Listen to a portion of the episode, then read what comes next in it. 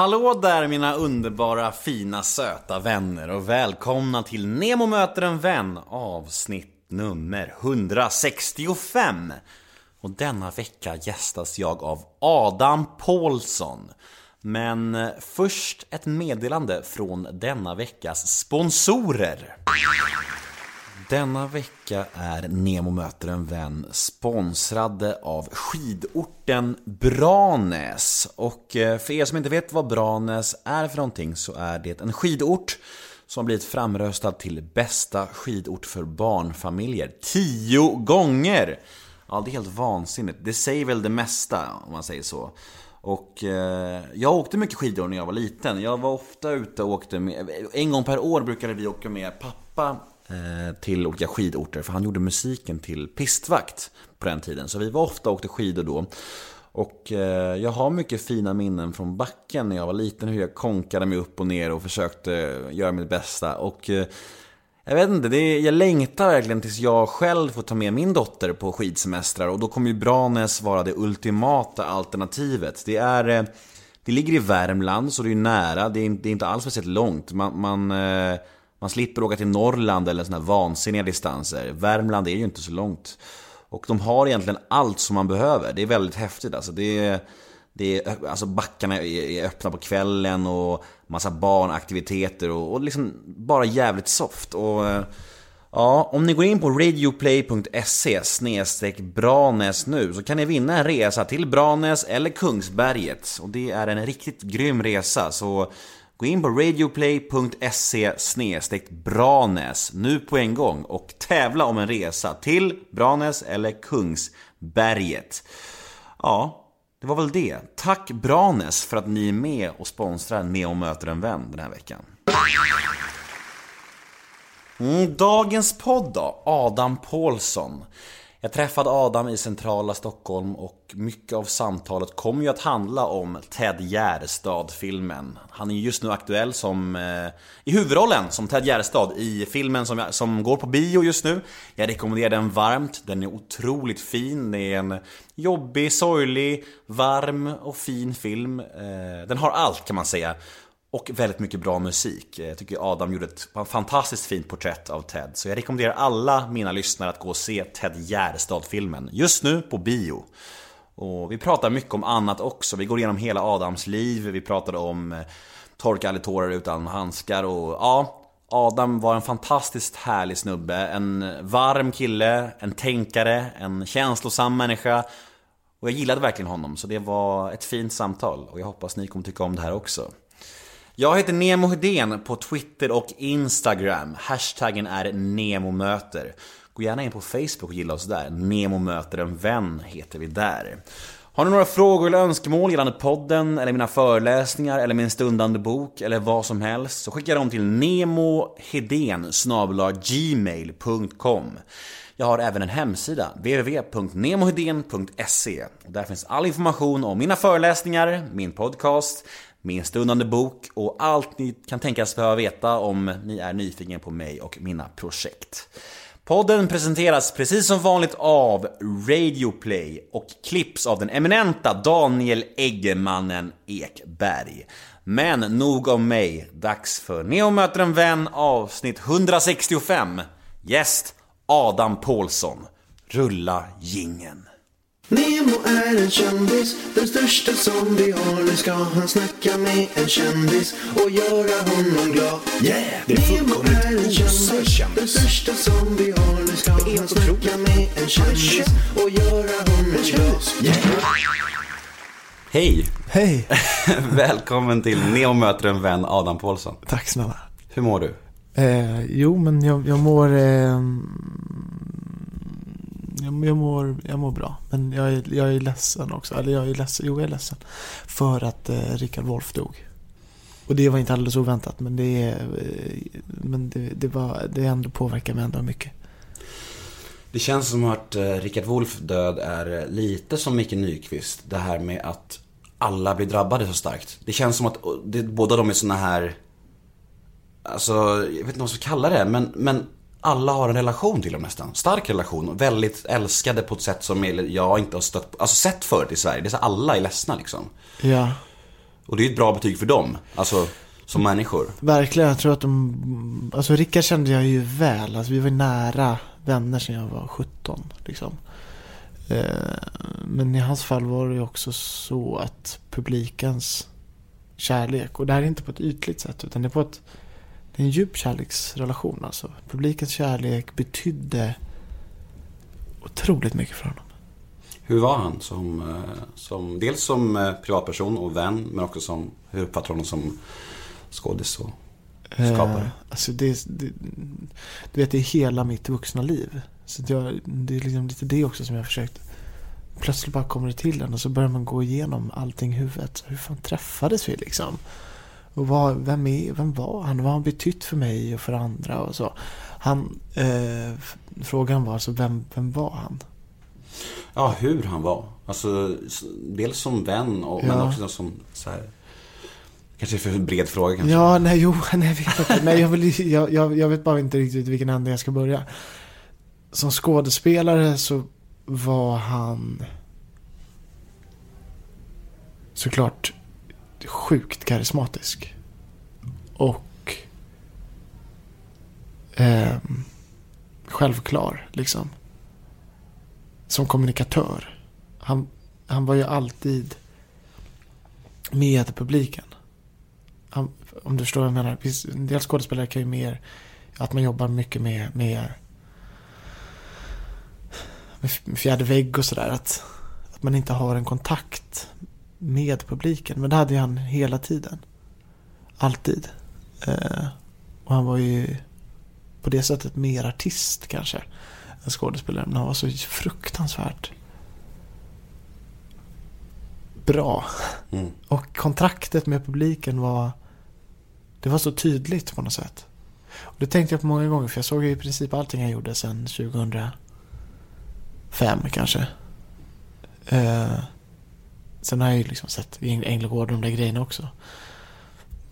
Men jag vet inte, det var någonting med, det var någonting med att han, han, han, han, han var ju en 100% liksom känslomänniska och romantiker och så, men han var också en, en otroligt eh, intelligent, alltså skärpt människa. En intellektuell verkligen. S- som läste otroligt mycket. Han hade alltid stora boktravar liksom på, på soffbordet. Och nästan alltid när man kom hem så låg han och läste en bok och så berättade han vad, vad, vad, vad det var och sådär. Eh, sen hade han ju ett, ett leende liksom som var så smittande som man, som man rodnade liksom. Nej men faktiskt, och det gjorde man även, även Även i, liksom, när man såg honom le på tv typ. Så blev man kär. Eh, när jag lärde känna Rickard så var han, han är precis 30 år äldre än mig. Så han var, han var typ 47-48. Då var han fortfarande, sjukdomen hade liksom inte satt klorna i honom riktigt. Eller han hade i alla fall inte accepterat det. Så apropå Torkel Pettersson och Spybar så var, så var det han som liksom tog in mig på Spybar första gången när jag inte ens var 18 och sådär. Du vet att komma fram, han var sådär reslig, jävligt snygg, långt svart hår, eh, den där mörka rösten och så allt när han kom, han var ju liksom ett huvud längre än alla andra.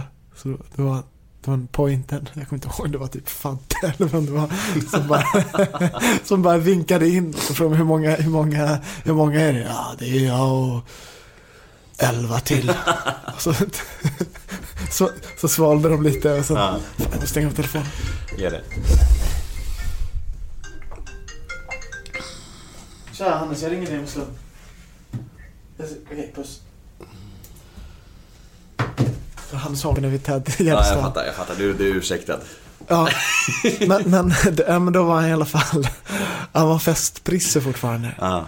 Och han hade ju sin lägenhet uppe på Lundagatan som Jag tror han har bott, inte i den lägenheten, men han har bott på Lundagatan högst uppe på, på Södermalm i Zinkensdamm där. Sen 82 eller något sånt. Eh, och han bodde i Han hade förresten köpt tror jag eh, Det var liksom rekorddyrt när Ni vet han från Änglagård hade köpt eh, Lägenheten högst upp på hörnet För Jag tror det var en miljon eller något sånt där Eh, och det var så här, va? Har du betalat en miljon för en lägenhet på Söder? Är du inte klok? Och då var det så här kungsbalkong, 25 meter balkong ut över hela jävla stan. Liksom. Mm. Och det var helt sjuka fester som han hade där. även på senare år, även när han blev sjuk. Men då brukade han, ja, då hade han väl ett, ett par stycken som, som, som de eller vi fick ta hand om, om, om festen när han typ gick och la sig liksom. Eh, Han ville bara att det skulle fortfarande liksom vara fest kring Ja. Liksom, ja. Och han var så jävla bra på att ha fester. Det var så mycket folk där uppe. Och, och, och, och- det var så många som var konstanta och sen var det alltid nya. Jag minns några gånger då i början så han ville väl imponera lite för mig också. Så eh, frågade alltid mig så här. Okej Adam, är det någon du vill ha? Du, är det någon du vill ha på fest här uppe då på Lunda? Så fick jag önska liksom någon. Önska kändisar typ. Ja men typ. Han kände, han kände ju alla som kunde fixa det. Och det var sådana jävla party till, till tidigt på morgonen. Jag minns någon gång när vi satt och när vi satt uppe på hans balkong då, solen gick upp liksom. Eh, och så var cigaretterna slut. Han rökte ju inte så mycket för han hade ju lungsjukdomen. Eh, men alla vi andra gjorde det. Eh, och då, då minns jag att han ringde Top Cap. Som fick köpa. Gå in på på 7-Eleven, köpa ett packe cigg, eh, kom, ko- och åka upp till Lundagatan och liksom gå upp för alla trapporna och lämna cigarettpaketet Alltså. till dörren mot, mot lite dricks liksom. Men gör de sådana tjänster eller var det bara för att det var han? Det var, han, han var nog en, en, en, en extra bra kund kanske. Ja, kan man, kan man nog gissa. Jag kommer ihåg, eh, jag bodde på Värmdö förut i ett stort hus och vi delade hus med en, en eh, inte en känd skådisfamilj, men en, de var nog lite småskådisar i alla fall. Som Ulrika Malmgren är. Ja, ja, ja. Har du bott hos Ulrika? Vi, våra familjer bodde ihop. Det är sant. Ja. Och eh, de hade alltid så enorma midsommarfester varje år. Ja, alltså det är min gamla lärare på scenskolan och mina, alltså sant? jag älskar Ulrika. Ja, ja, är sant, ja, våra familjer är väldigt nära vänner. Ja, och hon och Rickard gick på scenskolan. och- Ja, men det vet Ja jag. Precis, det- ja, jag kom, jag kom ju dit. ja. eh, För att det var någon midsommarfest för så här 20 år sedan och då var ju så alla där. Jonas Gardell, Mark Levengood, Rickard Wolff och Jag minns att hela festen bara Han hade sån otrolig karisma, Rickard Wolff. Det var som att allt kretsade kring honom. För han var så, han var så tydlig i sin uppenbarelse och jag minns så väl. Jag var liksom så här 8-9 år och ändå så kände jag bara att han ville man liksom närma sig för han var så spännande och häftig liksom. Ja, det var bara det jag ville säga egentligen. Nej men det var, och det ska, det, och det, det ska vi aldrig sluta påminna oss om. Att han hade en sån jävla sexapil alltså. Men verkligen. Eh, och han var så, det var någonting med den här rösten och blicken. Och han var så fokuserad. Mm. Eh, samtidigt var han så jävla snäll också. Och så lojal. Eh, som vän alltså. Mm. Eh, ja, nej. Nu fick vi börja intervjun i en lite deppig anda, men också fin. Också fin. Också fin, och det är det fina vi tar med oss. Eh, men hur trivs du då, nu här hos mig, när du får sitta och bli intervjuad? Alltså jag vet inte, hur, hur, hur är ditt förhållande till intervjuer? Eh, jag har inte gjort så mycket podcasts. Men Har du gjort någon? Ja, jag har gjort någon. Några stycken typ. Och jag har ju suttit i radio ett antal gånger. Och allting som har med liksom, direktsändning att göra. Det här är inte direktsändning men det är, vad ska man säga, oredigerat då. Det är ju kul. Eh, men däremot så, däremot så kan jag tycka det är det låter så gnälligt att säga, men det, det, kan, det, kan, det kan vara tradigt att sitta med i tidningsintervjuer och sådär. Och göra en långa intervjuer som bara ska vara kokas ner till. Mm. Eh, kokas ner till en sida och man vet det ungefär. Så. Men det är ju en väldig skillnad på, på, på just podd och kvällstidningar i att här vet ju du vad du har sagt exakt och det kommer komma med liksom. I kvällstidningar så Jag kan inte vara så säker på att jag vet exakt vad jag har sagt. Jag blir, ofta, brukar, ofta går, jag liksom, går jag härifrån och tänker, vad fan sa jag? Liksom. Ja men i kvällstidningar så ska, kan du säga som 5000 tecken så tar de med 15 liksom. Så är det ju. Och det är det jobbiga, kanske de tar med det gottigaste och då har du en sån personlighet som kan säga vad som helst så är det lite Ja. ödesdigert kanske. Ja, det blir så jävla dumt. Det är så dumt. Men, men så här, det, jag, jag, jag, jag, har, jag har, jag tycker såklart ingenting emot. Jag tycker det är jätteroligt om det är någon som är överhuvudtaget är intresserad och så vidare. Men det enda är att det, att det i vissa perioder och att det kan ta jävligt mycket tid liksom. Mm. Eh, och som nu till exempel när jag är ensam med Dylan, min dotter i, i, i eh, tio dagar för Celia jobbar i Tyskland. Eh, så kan, man, kan det vara en typ en tidningsintervju och det tar mer, och så ska de plåtning och det tar typ hela dagen. Mm. Och Då, då kan jag bli stressad om, om, om jag vet att jag har massa annat att göra också. Eh, och så hinner jag, är det det enda jag hinner göra när man ska lämna och hämta på dagis, typ så. Hon är två år, Tre snart. tre.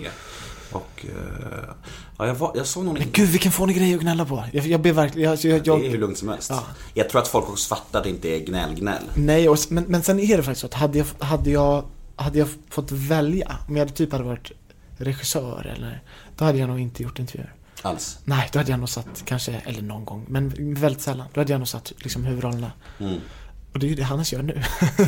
så att, så att det, hade, det, det står ju i våra kontrakt att vi ska göra en här skälig, man, man ska göra eh, liksom eh, press för, Ja, typ så. det comes, comes with a package liksom. Ja. Men det här är ju mysigt också för att jag, jag menar jag har ju hört några avsnitt. Eh,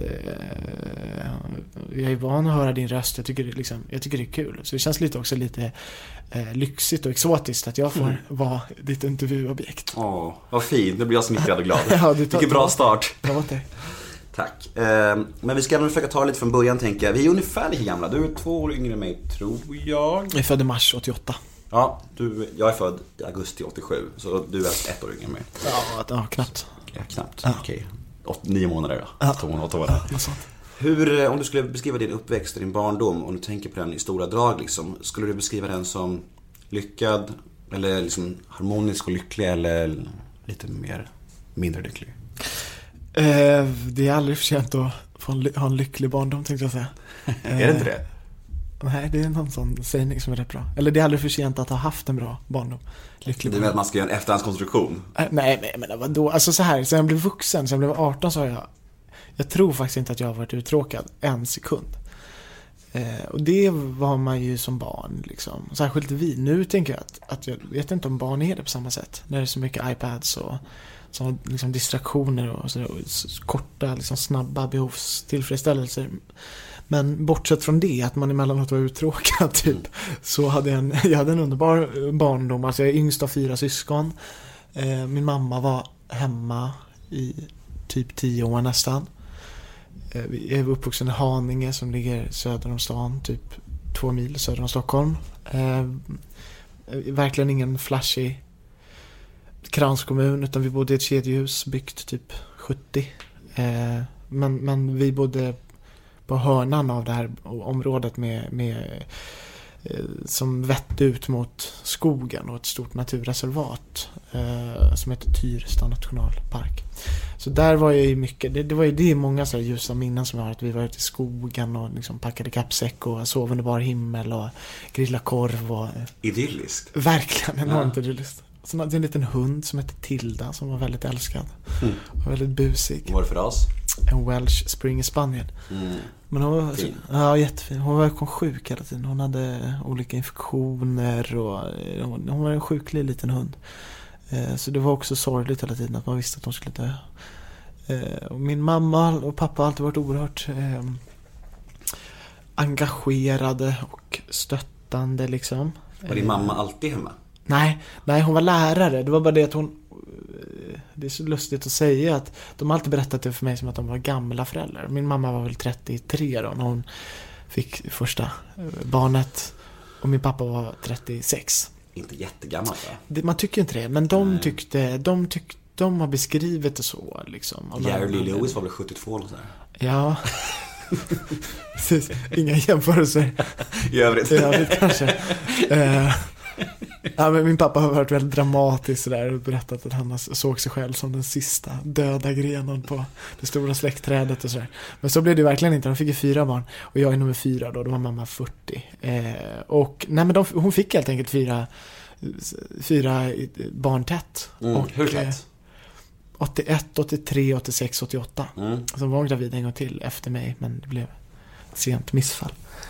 Eh, då, brukar, då brukar min brorsa alltid skoja om att, att, att vi skulle haft en lillebrorsa som hette typ Marcus, som, som skulle vara mer framgångsrik än mig. Så att jag...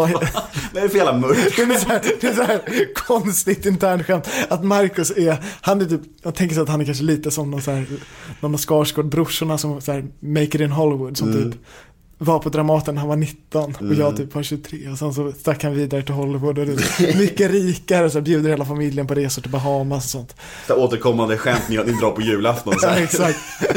Fan. Ja, det är ganska bisarrt, jag vet inte var det kommer ifrån. Är ganska... Eh, ja, det är väl för att vi på något sätt, han, han ville att jag skulle vara glad och att det inte kom en. Du ska vara tacksam Adam. Exakt. Du ska vara tacksam. Annars då hade du inte haft den här rollen som minstingen som är sådär gu- guldgossen utan då hade du varit en blek, Du har bara haft tur Adam. hade, du hade varit en blek kopia av Marcus. Fan. Ja, nej men eh, Vad gjorde din farsa? min, min farsa, båda mina föräldrar är lärare eh, och mamma eh, jobbade, fick jobb på Ven- Vendelsemalmsskolan i Haninge 1977 kanske, något sånt där, 78. Eh, och då, 78 kan det stämma? Min mamma är född 48. Hon var 30, jo det kan nog stämma. 78 typ fick hon jobb där och då har min pappa också berättat att de, de bodde i ett kollektiv på Lidingö för de är så gamla vänsterfolk liksom. Eh, och du vet min pappa stencilerade så, så här, eh, olika han- jag hade ett bokförlag som, som, som gav ut vänsterlitteratur typ. Mm. Eh, och, eh, typ reseskildringar från Från ett kommunistland i, i Sydamerika De, de liksom besökte någon fabrik och skulle, skulle Kitt- Kittlande. Ja, verkligen. Se hur organiserar sig de här typ eh, arbetarna liksom. Eh, och, och, eh, varför pratar jag om det? Jo, nej, jo, han har berättat att han, när, när, när de då skulle få min syster Karin som är äldst, så eh, eh han hade fått tag på en typ sexrummare på Östermalmstorg tror jag att det var. Jättebillig som senare skulle ombildas. De hade inga pengar mina föräldrar. De, och, men mamma ville absolut inte att hennes barn skulle växa upp i stan. Så, så de, de, de samlade ihop till, till, till en liten, ett litet så här mögligt kedjehus i närheten av Älvsholmsskolan. Eh, som, och jag, jag hade mina första tio år så hade jag konstant, som jag tror mamma så kallade för hösnuva. Varför, det? För att du bodde där? eller? Nej, Ja, för att det, det, det var det, det var någon svartmögel i, i badrummet där som, som eh, eh, och det visade sig då efter, efter tio år eller nio år eh, när, när, när det luktade så illa som tog dit någon som liksom, det var hela, det var liksom våt, det var ska- skadat hela skiten liksom. Och det var liksom allt för att inte växa upp i stan. Var hellre bo i så här sjukligt lite Exakt. stuga. Ja, exakt. Så då blev jag av sen med, med, med alla mina allergier och så. Mm. Olika liksom, eh, hade röda utslag i, i alltså. knävecken och sånt. Eh, nej, men jag hade, en, jag hade faktiskt en skitfin eh, uppväxt. Vi hade jävligt kul, vi fyra syskon. Och jag och min brorsa var ju, han är född eh, juli 86. Så vi, vi var som tvillingar i princip och gjorde Mm. liksom allting ihop. Eh, Två lärare, föräldrar. Var det liksom så här intellektuellt hem? Kan man säga det? Var det så mycket så här kunskapshem? Ja, det var det. Min, min, precis, min pappa var ju lärare från början och sen någon gång när jag var liten så skulle han starta någon slags eh, konsult, Det är alltid lika svårt att förklara. Han skulle bli konsult och på något sätt utbilda eh, Utbild, inte utbilda Det är ungefär som när din agent skulle, skulle, skulle beskriva hennes mans jobb där för oss Okej. nyss. Vi bara, vad var hon sa? Hon Ja, bara, det. kontor, Ja, knappar. Man bara, Whatever. Nej men min pappa är så är jättekompetent på det han gör. Han, han, han, han har helt enkelt varit runt på olika typ fackföreningar, företag, kommuner och ja, lite förenklat löst knutar på Mm, arbetsplatser. Och eh, kanske hjälpt eh, chefer typ att eh, att, att bli bra chefer. Och då har det Mm. ofta varit kanske att om man jobbar på Coca-Cola i Haninge till exempel. Så har det varit någon super arbetarklassnubbe som, som har ledaregenskaper och han blir, han går från att bli liksom, eh, eh, vad säger man, chef för sin lilla grupp till att kanske gå upp och bli någon slags avdelningschef. Men han, han, är, han är helt grön och inte utbildad men han har naturliga egenskaper som, som, som då, då min pappa också varit med och identifierat och då hjälper min pappa honom att typ eh, eh, att växa in i den rollen typ. Mm. Eh, Men, men det gick ju inte så bra då när jag växte upp så det var, vi hade ju vi hade inte mycket pengar. Men det var ingenting, jag tror inte det var någon oro heller på det sättet för, för eh, För det första tror jag att de var så himla glada båda två att, att Plötsligt så hade de fyra barn och familj och sådär. Och att min, på min mammas sida så, så hon är läkardotter. Eh, överläkardotter. Så, så att hon, hon kom från en väldigt så stadig, borgerlig Mm. eh, miljö. Eh, och ja, Är dina föräldrar ihop idag? Ja, de är fortfarande ihop. Vad fint. Mm, mm. De är ju alltså 72 och mamma är född 48 som fyller 70 nästa år. Mysigt. Mm. Vem skulle du säga att du var i plugget sen då?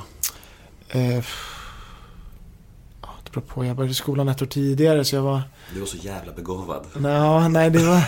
Jag, jag blev förtvivlad när min brorsa började skolan. Eh, och sen och då insåg jag alla mina andra kompisar då skulle börja, börja året efter för de var 87 Men jag skulle få gå ytterligare ett år på förskolan, eller på dagis. Hette det då i alla fall. Eh, och, och det vägrade jag bara. Så jag bara skrek rakt ut. Så jag vill också börja skolan. Så jag, jag, var, jag var alltid minst, jag var spelevink. Eh, jag, var alltid, jag var väl så vinnarskalle som blev förbannad när jag förlorade. Kastade liksom bandyklubban. Och, eh, Hade du lätt för dig? Ja, det har jag alltid haft. Alltså jag har alltid haft, jag har haft lätt för, för ehm, det mesta faktiskt. Men jag, men jag är lite som en småstadielärare kanske. Att jag, jag, jag, jag, är ganska bra på mycket men jag är inte jättebra på något. Vad hände med dig när du blev lite äldre då? Jag tänker upp i högstadiet, gymnasiet. Vad, vad hände liksom i ditt huvud och din kropp? Och vad, vad, liksom, vad, vad tänkte du då? Eh, min bästa tid var nog i typ mellanstadiet tror jag. Mm. För då hade jag, då, då var jag, då hade jag, då hade jag mycket tjejer och kompisar och... Och, och, nu, och nu är det ingen tjej som vill ha dig idag. Nej, Jag tänker att du är värsta superpopulär bland tjejer. Nej, men, nej det det vet jag inte. Men då, då i alla fall, då i alla fall så, så, var, så var det så. Och så hade jag en, vi var ett litet gäng, så här, bästa kompisar, en kille som hette Emil och vi var så Mm. himla stökiga tror jag. Det var också att skolan var så lätt då. Det var liksom inga, det var inga, eh, det var inga svåra liksom mattetal att läsa precis. Jag tänker att mellanstadiet var en sån tid där man var ihop med så 11 tjejer. Ja, men lite så. Fråga chans på, Ja. jag har mest tjejer. Och då var det Adam Pålsson som hade mest tjejer i skolan. Nej, det vet jag inte. Men, men, eh, men det, var, ja, det var en bra period, så mycket Mm. kan jag säga. Och, och vi, han var, vi var väldigt stökiga av någon anledning. Jag vet inte exakt vad det var. För jag, man minns väl liksom... Eh, man minns väl subjektivt på något sätt. Men, men Emil och jag, som var han som var Every year, one thing is always predictable postage costs go up. Stamps.com gives you crazy discounts of up to 89% off USPS and UPS services, so your business will barely notice the change. Stamps.com has been indispensable for over 1 million businesses just like yours. It's like your own personal post office. No lines, no traffic, no waiting. Sign up with promo code PROGRAM for a four week trial plus free postage and a free digital scale. No long term commitments or contracts. That's Stamps.com code PROGRAM. Min bästa vän. Och de fick separera oss. Vi fick inte gå i samma klass för att det var för Är det sant? bråkigt. Ja. Ni Eh, triggade varandra. Ja, på något sätt. Eh, och sen så bytte, fick jag, var jag tvungen att byta klass också till, till, till, eh, till högstadiet för att det var för... Jag var för stökig tror jag, rastlös. Jag gick i sån här körklass. Mm. För det hade mina syskon gjort. I Brandbergen. Och jag klarade inte av att stå där och, som ett ljus och bara vänta på när andra stämman Det Övade. spritt Ah. i kroppen. Ah, det, det gick inte alltså. Det gick verkligen inte. Jag, så jag, jag spelade trummor istället. Då fick jag börja i instrumentalklass då.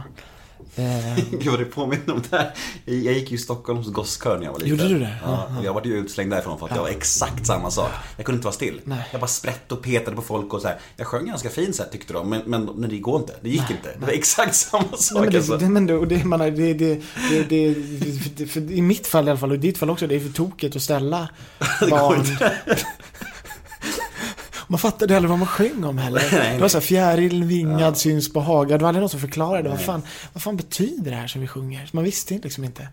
Eh, det var för knasigt. Och då började jag instrumentalklass och trodde väl att det skulle bli bättre. För jag ville, jag ville liksom spela punk typ. Hårdrock. Ebba Grön typ. Ja. Jag har en kille som heter Jocke. Järn, vi, vi liksom ville... Vi, det var ju flera, vi var flera stycken som var, men som satt som bara, vi kunde inte sitta och vänta på att de fyra blockflöjterna skulle lära sig sin stämma. Vi ville bara spela punk liksom. Eh, nej, det var en jävligt disharmonisk tid alltså. Jag, och jag, jag, är, jag blir ledsen när jag tänker på den faktiskt. Hur gammal var du här? högstadiet. Ja, men jag var ett år yngre då, men jag var kanske 13 till 15 eller något sånt. När, eh, då, då skulle, mellanstadiet var fint, högstadiet var lite jobbigare. Ja, vände, det sen, vände det sen igen eller? Ja, mellanstadiet var inte heller fint. Det var, inte, det var den här Brandbergsskolan och vi gick i någon slags musikklass och Brandbergsskolan i övrigt var ju så här super, Okej. vad ska man säga? För du sa, att, du sa att det var din lyckligaste tid. jag vill säga. Nej, nej, nej, nej, nej, nej, nej. Mellanstadiet? Nej, men i liksom grundskolan var Ah, ändå mm, mellanstadiet mm. bäst. Men, men det var inte som att jag var, jag var, inte, jag var ändå Jag inte förstår. nöjd. Och det var inte bra det här heller att vi alla liksom medelklassbarnen gick i den här musikklassen som såklart alla fick lite bättre lokaler, allt var Mm. lite finare så. Och de vanliga, liksom, det var ju ett vanligt miljonprogramsområde. Så det var super eh, dålig stämning mellan klasserna och de kände sig väl förfördelade. Och vi kände väl oss eh, liksom också lite konstiga som eh, gick runt Nej, det var fan inte bra alltså. Det var allas krig mot alla. Det var, det var, det var en dålig tid. Och sen kom gymnasiet. Sen kom gymnasiet och det, då, då började livet. Och det visste jag hela tiden på något sätt. Att, för det hade ju mina syskon liksom Vi vittnat om. Ja, att, att och plötsligt så kände, du vet, och det, och det var verkligen så. Då började jag, jag skulle börja på Södra Latinsk teaterlinje. Eh, eh, men... Eh, Var det självklart för dig här, här och då att det var liksom musik och skådespeleri som du skulle göra? Väldigt Ja. kall liksom. Nja, jag spelade hockey och sådär. Men jo, jag visste nog det. Att, det var, att även om jag gillade sport och så, här, så var, var det liksom den artistiska banan som jag ville slå in på. Men, och då kom jag in på Södra Latins teaterlinje, men de vägrade Haninge kommun hade en lägre, var ganska utsatt ekonomiskt. var så jävla, var så jävla keffa. Så de, de, hade de vägrade betala den liksom lite högre skolpengen som Södra Latin hade då, eller Stockholms kommun. Så de var bara nej, nej, nej. Och jag sökte dispens och jag försökte liksom skriva in mig att jag skulle bo hos någon gammal morbrors fru typ. Eh, men de var såhär, nej det gör du bara för att du vill, för att du vill börja Södra Latin. Ja men kan jag inte få det då? Nej. Fan. Eh, så så jag fick, då fick jag börja på Rytmus istället. Det, näst ju- bästa. Ja, ah, stackare. Det var, och det var skitkul. Alltså det var ju askul. Det var en riktigt bra årskurs. Och, och, men det var bara att jag skulle spela trummor. Det tyckte jag inte. Jag hade redan tröttnat helt enkelt. Trummis var du då. Ja, jag var trummis. Men alltså då, hur stor skola är Rytmus? Hur många elever går det? Alltså, Då var det tre klasser om... på hela skolan?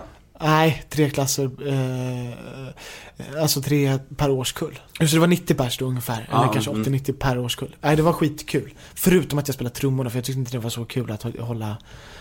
Är din farsa trummis? Nej, Min farsa är, spelar klaviatur. klaviatur. Han har spelat i, med Stefan Sundström och Pers och sen Weeping Willows i åtta år. Bra. Det är bra. Good shit. Eh, ja men jag, du vet, paradiddlar och, och dubbelslag och sitta och öva på att bara hålla samma tempo liksom. Eh, Nästan lite gosskör där. Du måste sitta still. ja Du men det var, ja men det var, det var, det var, jag visste på något sätt hela tiden att det är min, det är min kropp och min, och min, det är det som är mitt instrument. Det kan inte vara trumstockarna liksom. Och det visste jag då. De andra var så jävla, jävla bra alltså. Och blev så jävla bra. Jag var, kom, när vi började var vi alla lika bra typ. Men sen direkt, vet, för de övade så hårt. Och de är ju all, de är ju liksom grymma anlitade musiker idag. Eh, äh, det var massa, du vet. Det är svårt kanske att motivera sig 100% att öva lika hårt som den andra om man inte känner att det är 100% rätt liksom. Ja, jag ville typ sjunga tror jag, i så fall. Eller jag skulle gått låtskriva linjen kanske något sånt. Men jag visste också att jag, att jag skulle börja Södra på något sätt. Jag hade det som min plan. Jag skulle vara, så att, eh, när jag hade börjat på rytmen så då lyckades jag skriva över mig då på min morbrors exfru. Eh, hem, hem till henne, ja. Lifehack. Exakt, exakt. Var bara fuck you Haninge kommun. Look at me now. exakt. vad, hände, vad hände efter gymnasiet då? Nu här hoppade vi över hela, hela Södra Latintiden, men det kan vi göra. Nej men det kan, men absolut, berätta, berätta om det, gärna. du får gärna göra det. Nej men jag, jag, det var en underbar tid faktiskt. Fy Ja. fan vad kul det var. Fy fan vad jag, vad jag liksom landade. Du kände dig mer hemma där än på Rytmus? Ah, nej men det, det började på Rytmus. Mm. Egentligen var hela gymnasietiden eh, supernice. Mm. Men på Södra, då fick du, då fick du, då var det ingen trummor, eller hur? Nej, Nej. då var det ju teater. Ja. Ja, exakt. Ja men precis, och då, då byggde vi liksom scenografier och, höll på, och, och gjorde egna pjäser i de här blackboxarna och För Södra, Södra Latin är väl både teater och musik? Ja, ja visst. precis. det är Mm. natur och, och, samhälle och allting. Mm. Eh, ja, nej men det var bra. Det var bara, det var jävligt kul och jag upptäckte, jag upptäckte liksom hur, hur, att jag upptäckte att fan det är det här jag ska göra. Kände du direkt att du hade en fallenhet för skådespeleriet när du började liksom utöva det? Ja, ja, det kände jag. Men det, hade- jag hade ju börjat lite tidigare. Jag göra någon tv-serie redan när jag var 13-14 typ. Så jag visste det på något sätt redan då. Eh, eh, men det var nog på gymnasiet som jag mer insåg kanske att okej, men det här, det här passar verkligen mig. Mm. Att, att det var någonting med att i allt annat jag hade prövat på så använde jag bara delar av mig själv. Mm. Om jag spelar musik så använder jag min röst och det är texterna liksom och melodin men jag kan inte riktigt använda fullt ut det här liksom viljan att Ah, det är svårt att uttrycka. Alltså för mig är konst liksom Dels är det att berätta någonting ju. Det är dels det, men det är inte bara det. Konst är också att, att för mig att det där tillståndet när man upplever en liksom intensivare närvaro. En starkare livskänsla, en upphöjd livskänsla. När, man, när, när en lite så här larger than life upplevelse. Och sen om det är bara en stämning av melankoli eller närvaro eller så kanske det är eh, det kanske är att man upplever att man, att man ser sitt liv på ett annat sätt eller att man, eh, att man når liksom insikter i sig själv. Eller, du vet, det är någonting sånt. Men det är ett, det är ett liksom higher state of mind på något sätt. Eh, och där upptäckte jag, tror jag, att att det var någonting med skådespeleriet och och teatern som, som där, där kunde jag använda mig av mina tankar och min vilja att berätta. Jag kunde använda mig av språk som jag alltid varit intresserad av och även musik och så vidare. Eh, eh, det var mitt element liksom. Apropå Richard Wolff så är han, han har ju han, han, han har ju rört sig mellan de olika disciplinerna men ändå hela tiden lyckats behålla sin egen kärna, sin egen röst, sin eget temperament liksom. Eh, och det eh, liksom Richard Wolff feeling liksom. Mm. Eller den lukten eller smaken. När du känner den så, Då vet du. då vet du. Mm. Eh, oavsett om, om, om, om, det är i musik eller skådespeleriet eller i, i ja, berättandet bara, du vet. Mm. Eh, och det, där, det är nog det som jag har sökt efter. Identitet. Ja, och efter Precis, efter eh, att hit, hitta Man behöver ändå något slags verktyg eller något slags instrument för att eh, kanalisera eh, Eller förstår du vad jag menar? Mm. Eh, sitt, sitt temperament. Det låter ju ändå som, det, som drömmen, det som Richard Wolff eh, åstadkom. Det här med att kunna glida mellan olika konstformer och ändå ha sin identitet. Som man, alla, vad den gör så vet folk att det är han och det är klass liksom. Det är, så här, det är Ja. häftigt liksom. Ja, och det var han otroligt glad för. Jag undrar om han i hemlighet inte...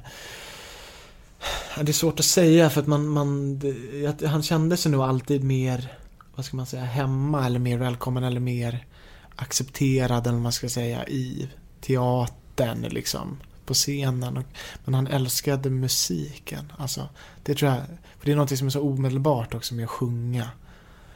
Eh, sången, musiken går...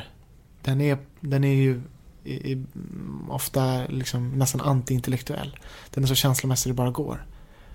Det sitter en pojke på månen. Ja, Tycker jag väldigt mycket om. ja, ja nej, men han har gjort så mycket bra. Han har gjort så mycket bra. Jag kan spela en snutt av den i den här låten för att hedra honom tycker jag. Jag tänker ut om det är något annat också som, som några låtar som jag... Vi får avsluta podden med lite Richard Wolff kanske. Ja, gärna. Ehm, Okej, nu, nu är vi alltså vid Södra Latin. Du har fått fart på din konstnärliga, vad ska man säga, du har, du har fått hittat, liksom, hittat rätt på något Ja. sätt. Eh, när skulle du säga att det liksom small till då? Alltså för dig, har du någon sån här genombrottspunkt? Där du känner att fan det här kommer jag kunna försörja mig på, det här kommer, jag, det här kommer kunna funka i, i, i din karriär liksom. Ja, men när jag gick ut ettan på gymnasiet så gjorde jag en film med Daniel Lind Lagerlöf eh, som tyvärr också är död. Regissör som, han hade gjort några filmer innan, Vägen ut.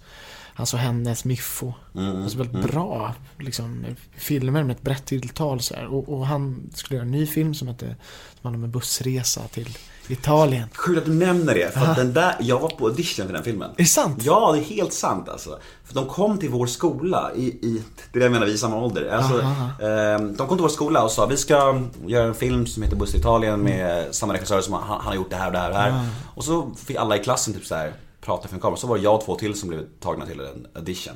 Var inte längre så vart det. Men det är intressant att du nämner den filmen, för jag har bara varit på en audition någonsin. Ja, nej det hade varit kul.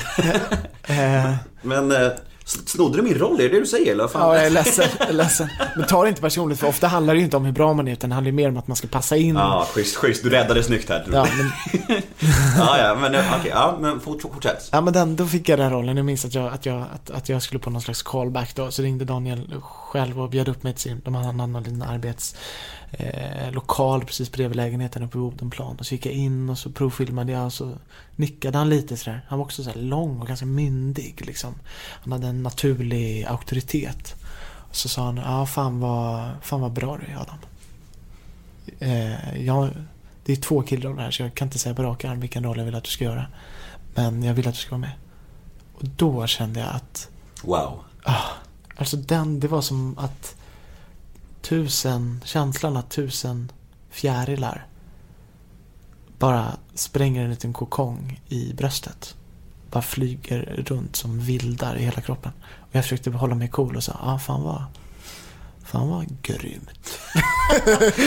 Du ville bara skrika. Ja, ja. Och sen skakade vi hand och jag bara tänkte nu, nu, nu gäller det att jag går härifrån så fort som möjligt innan han hinner ångra sig liksom.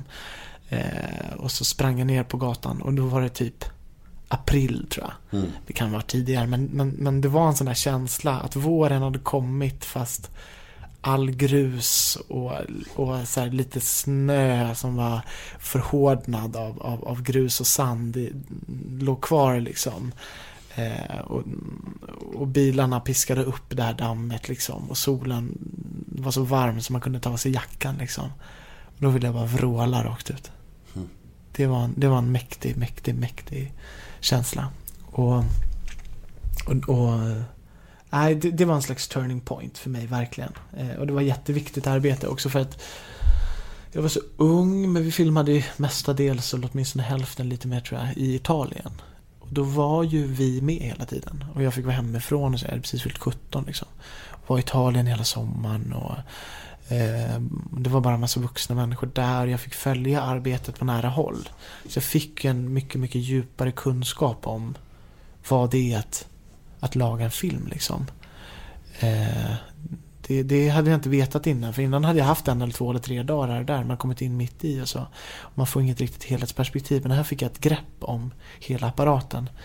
Eh, och, och, och ja, efter det så, så hoppades jag på att du vet, det är alltid sådär i olika, olika produktioner så är det några det var, så här, det var några vuxna kvinnor där som tyckte jag var söt, typ, som var så här, eh, jobbade i produktionen, som var så här, ja Adam, vet du vad, du kommer inte kunna gå på gatan efter det här, liksom. Du kommer inte kunna gå på Drottninggatan för de kommer slita i dig.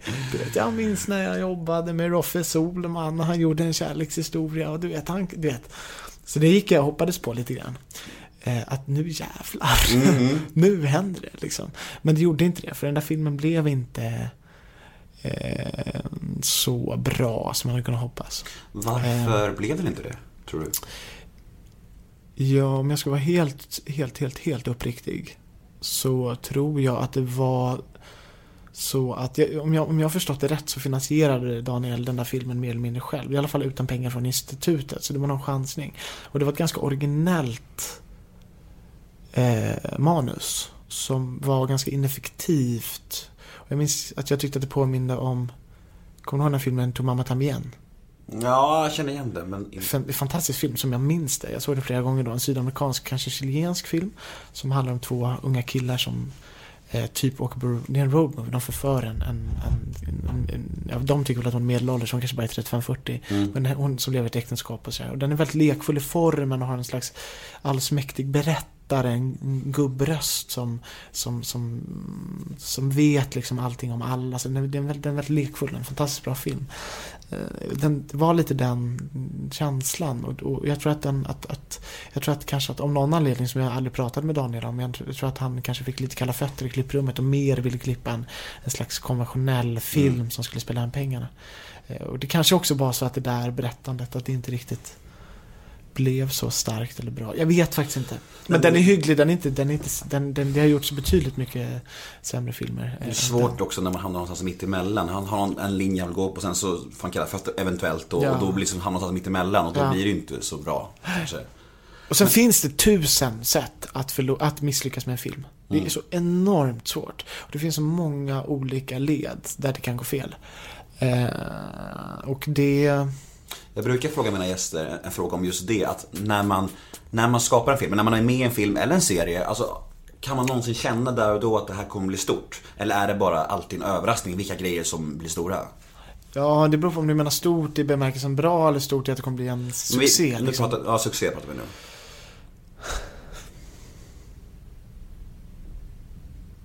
Jag vet inte. Alltså jag kan ju på förhand känna att om jag har gjort några saker. Det var ett tag sedan och jag har förhoppningsvis lagt, lagt av med det. Man har känt redan innan att det här kommer inte bli bra. Eh, men, och då blir det ju mycket sällan det. Ibland har man en känsla som är som, som är, alltså, det kan vara lite förföriskt också med själva inspelningen. Att det kan, du vet, man kan hamna i så här, gud det är så god stämning och cateringen är så jävla bra och liksom eh, alla är så schyssta mot varandra. Och, Bra fokus. Ja, det, det är inga sexuella trakasserier och så. Ja, nej men du vet, all, att allt... och vi bara improviserade, vi hade en så jävla scen som bara var så jävla grym och du vet, att, att man blir, att man förlorar sig lite i själva inspelningssituationen, man glömmer bort att vara på tårna och vara kritisk. Eh, och så sätter klippan och regissören sig i, i, i liksom klipprummet och inser att okej, det var jättegod stämning, men vad fan fick vi med oss liksom? Mm, mm. Eh, fick vi det vi behövde? Eh, och man kanske improviserade jätteskönt men man förlorade själva kärnan i scenen för man improviserade runt det så mycket. Ja, det, så det, det, det, kan, det kan vara lite bedrägligt. Varför pratar jag om detta? Jag minns inte. Nej, men, Jo, känner man på sig att det är en succé? Mm. Nej, men jag kommer ihåg att Alexej Manbelov eh, när vi gjorde Innan vi dör till exempel. Så, så hade, då, då, då, då sa han så här, ja den här kommer från en stor publik. Och den publiken kommer tycka att det här är oerhört spännande. Det är inte säkert att den kommer få så bra kritik. Men den kommer få en, du vet något sånt där. Mm. Jag tänkte så här, eh, okej. jag kunde verkligen inte, jag kunde inte riktigt, upplevde inte att jag riktigt kunde avgöra det då. Men det blev precis så. Ja, Vilken dröja vi innan vi dör när vi Mm. ändå pratar om det. Det är fantastiskt. Du fick en kristall, eller hur? Ja, Ja, I år, va? Tidigare ja, år? ja, nej, ja precis. Hur, alltså en sån, en sån grej, jag tänker att du ändå är en skådespelare som kanske inte är jätte, alltså tänker på pris jättemycket, men någonting måste väl ändå det betyda? Jag blev oväntat glad faktiskt. Är så? Och vad, vad, vad det beror på vet jag inte riktigt. Jag tror att det har att göra med att att att, den, att juryn, jag vet ju vilka som satt i juryn liksom. Det kunde man ju... Det var polare kanske? Nej, men det kunde man ju, det kunde man ju se. Ja, men faktum är att... att, att Säg inget dumt nu. Nej, nej. Jag ska inte säga något dumt. Eh, nej, men, men att det här är kompetenta människor som, som, som själva jobbar med detta. Liksom. Eh, och det, då, då... Det är någonting med när, man, när någon säger så här, vi ser vad du gör och vi gillar det. Mm. Keep up the good work. Det, det betyder mycket för mig. Det betyder inte lika mycket när en kritiker bara säger eh, du är jättebra eller du är sämst. Eh, det här var, det var något annat av någon anledning. Det är inte så att det, det är inte så att det, att det att, att, det bety, att det betyder, liksom, jag vet inte hur mycket det betyder, men jag blev glad i alla fall. Jag, blev, jag blev mer glad än vad jag trodde att jag Mm. skulle bli.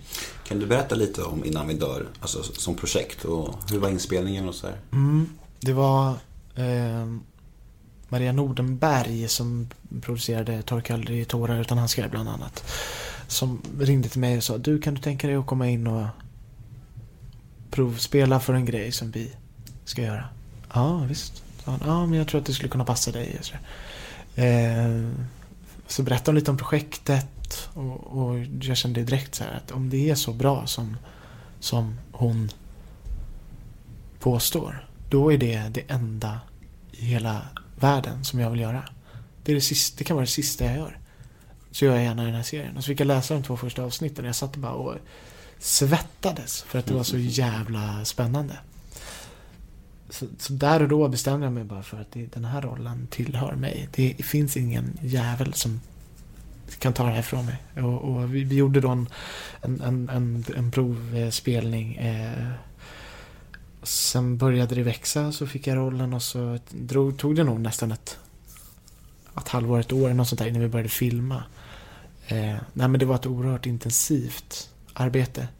Och lite rörigt för det var så att en, en, en eh, jättekompetent eh, regissör som var tvungen att hoppa av eh, två veckor i, innan, innan typ inspelning eller månad innan eller vad det var. För att han hade fått ett Hollywood-knäck liksom. Mm. Och då ville Maria låta honom göra det såklart. Så det var, det var väldigt rörigt på det sättet att få ihop. Men hon, hon är å andra sidan så otroligt, alltså producenten Maria Nordenberg är så otroligt, hon är som bra kaospilot. Och som kreativ producent. Så att hon, heter det? Kaos? Pilot. Kaospilot? Nej men hon är bra. Att Bra liksom, ord alltså. Ja men hon är, hon är jättebra. Hon håller ihop bitarna, Ja. även i kaos liksom. Ja, det är nästan som man, det är nästan som man får för sig att hon gillar det. Ja. Tror För att hon, hon hon orsakar kaosen för att hon är bättre under kaos kanske. Ja, men också för att hon är så otroligt bra. Det händer ju någonting när, det händer ju någonting i en. Mm. När det är skarpt läge. Eh, att man måste vara så otroligt eh, på tårna och så vaken liksom. Eh, nej men, så det var, det var, men det var, ett- det var ett häftigt intensivt arbete. Det var en, det var en otroligt fin eh, eh, cast liksom. Marie är ju... Marie Rickardsson. alltså. Nu kommer jag glömma några, då ber jag om ursäkt till dem. Eh, Och alla är fantastiska, men de jag arbetade mest med då. Och så Krepper, eh, Alexei och hela familjen där. Mimitsas, eh, P-Chang som spelade Stefan.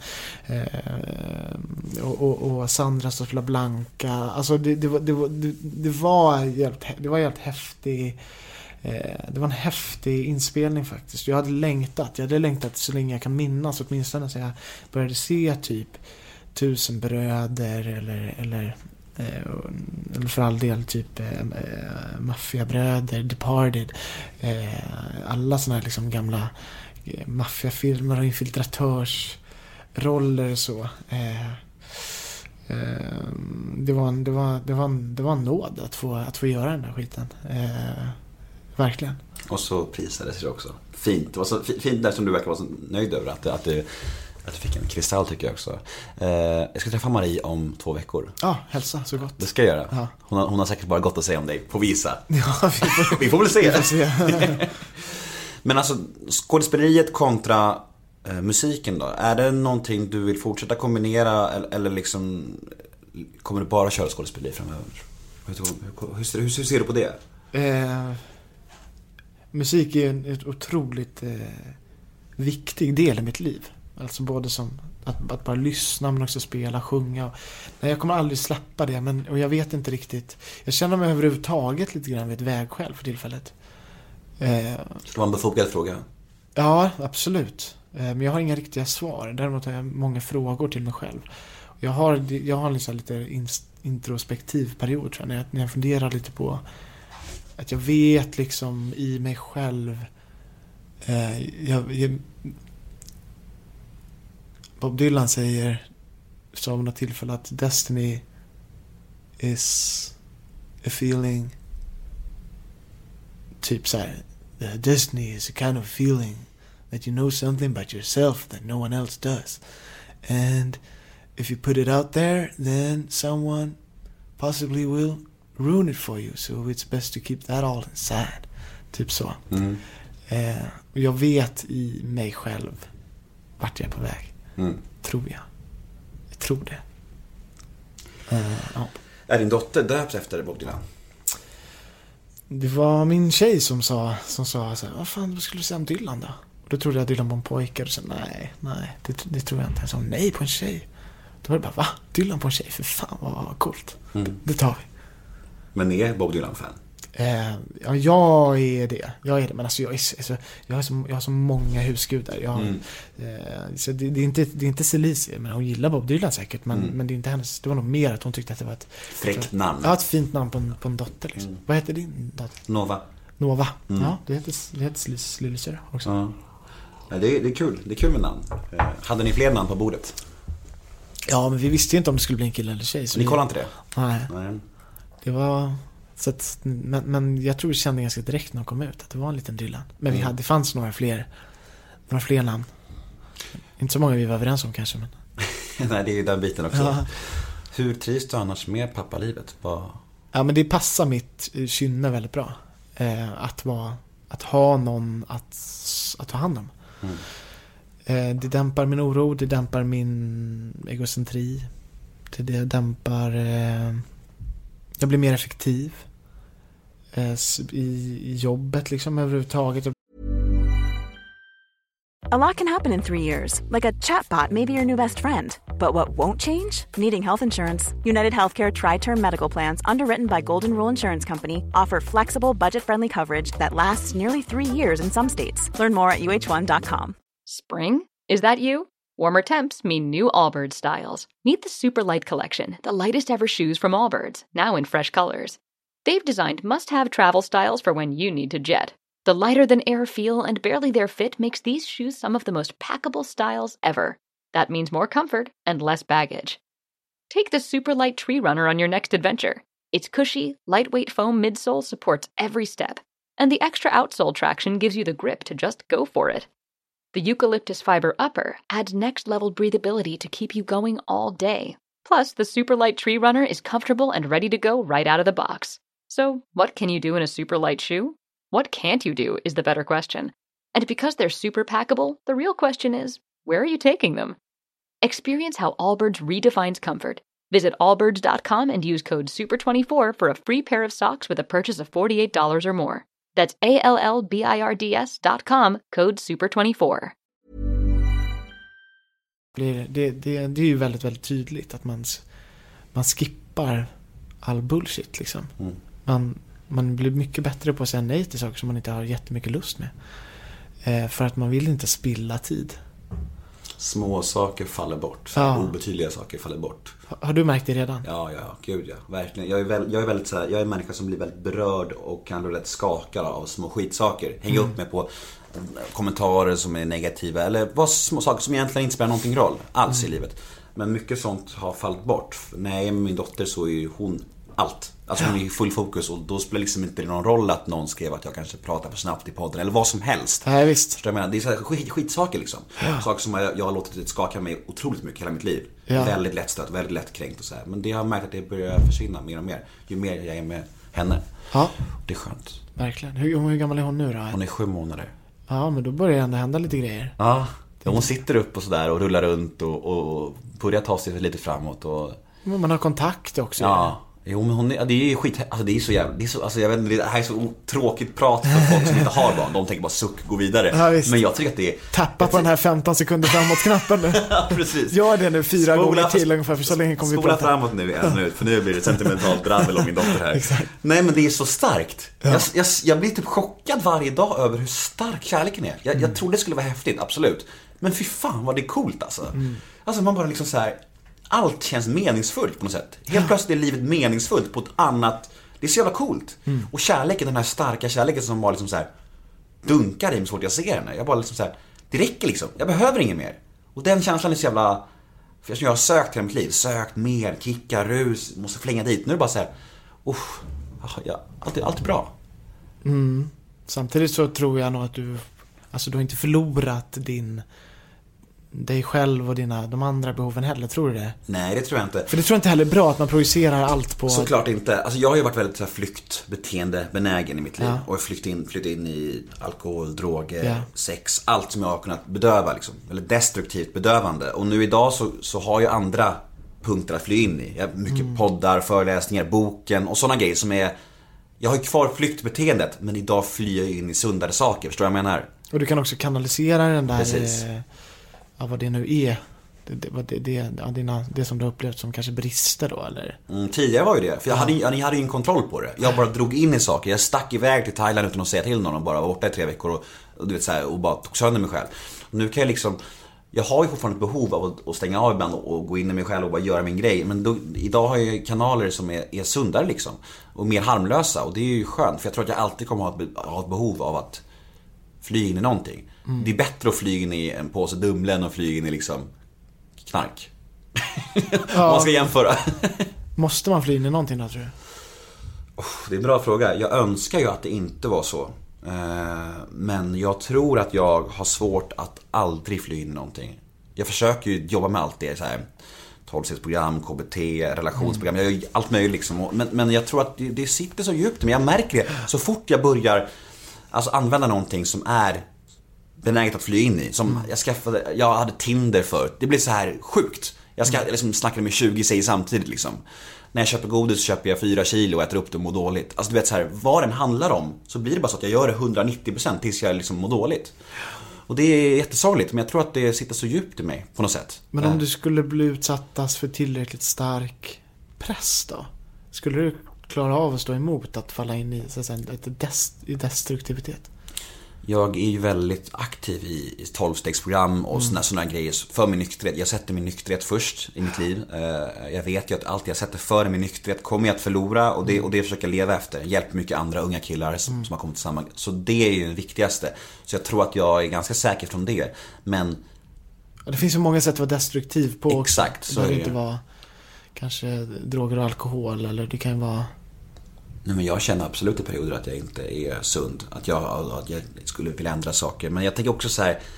Men det är ju alla människor. Jo men precis. Man måste vara är snäll mot sig själv också. Det, det är liksom så, om man jämför mitt liv nu och för två och ett halvt år sedan så är det som natt och dag. Man får ta en sak i taget liksom. Det är, ganska, så, det är ganska harmlöst att flyga in i godis. Det kanske, vi, det kanske också försvinner en vacker dag. Men just nu är det så. Och liksom så här, det, är inte, det har inte gått så lång tid än liksom. Nej. Så jag, jag Men försöker... har du ett behov av typ såna här stora liksom kickar då? Som att du skulle liksom vilja hoppa bungee jump eller köra Jag tycker, det, jag, jag tycker det bilar, är eller? kul att, att göra sådana grejer. Men det är inte så att jag eh, känner behov av det. Nej. Nej. Jag, jag får utlopp för, för mina grejer i, i det jag skapar och, och sådär. Och jag spelar mycket innebandy och sådär. Och, och, jag, och jag liksom... Men typ den kicken, nu vet inte jag, nu minns jag inte exakt hur det var när, när barnet är sju månader. Men låt säga att, att hon, att, att du, låt säga att du lyfter henne i typ bröstkorgen, du vet med handen, med tummarna på bröstkorgen och händerna runt hennes liksom, skulderblad och axlar. Och så lyfter henne upp som att hon flyger typ. Och hon skrattar och jollrar och gurglar Mm, liksom. Exakt så går. Mm. Ja, okej. Ja. Och sen jag, liksom, kanske man typ eh, tar magen mot näsan och så här. Mm, Ja. precis. Vad det, kan en sån, för det är ju en slags endorfin-kick ju, eller hur?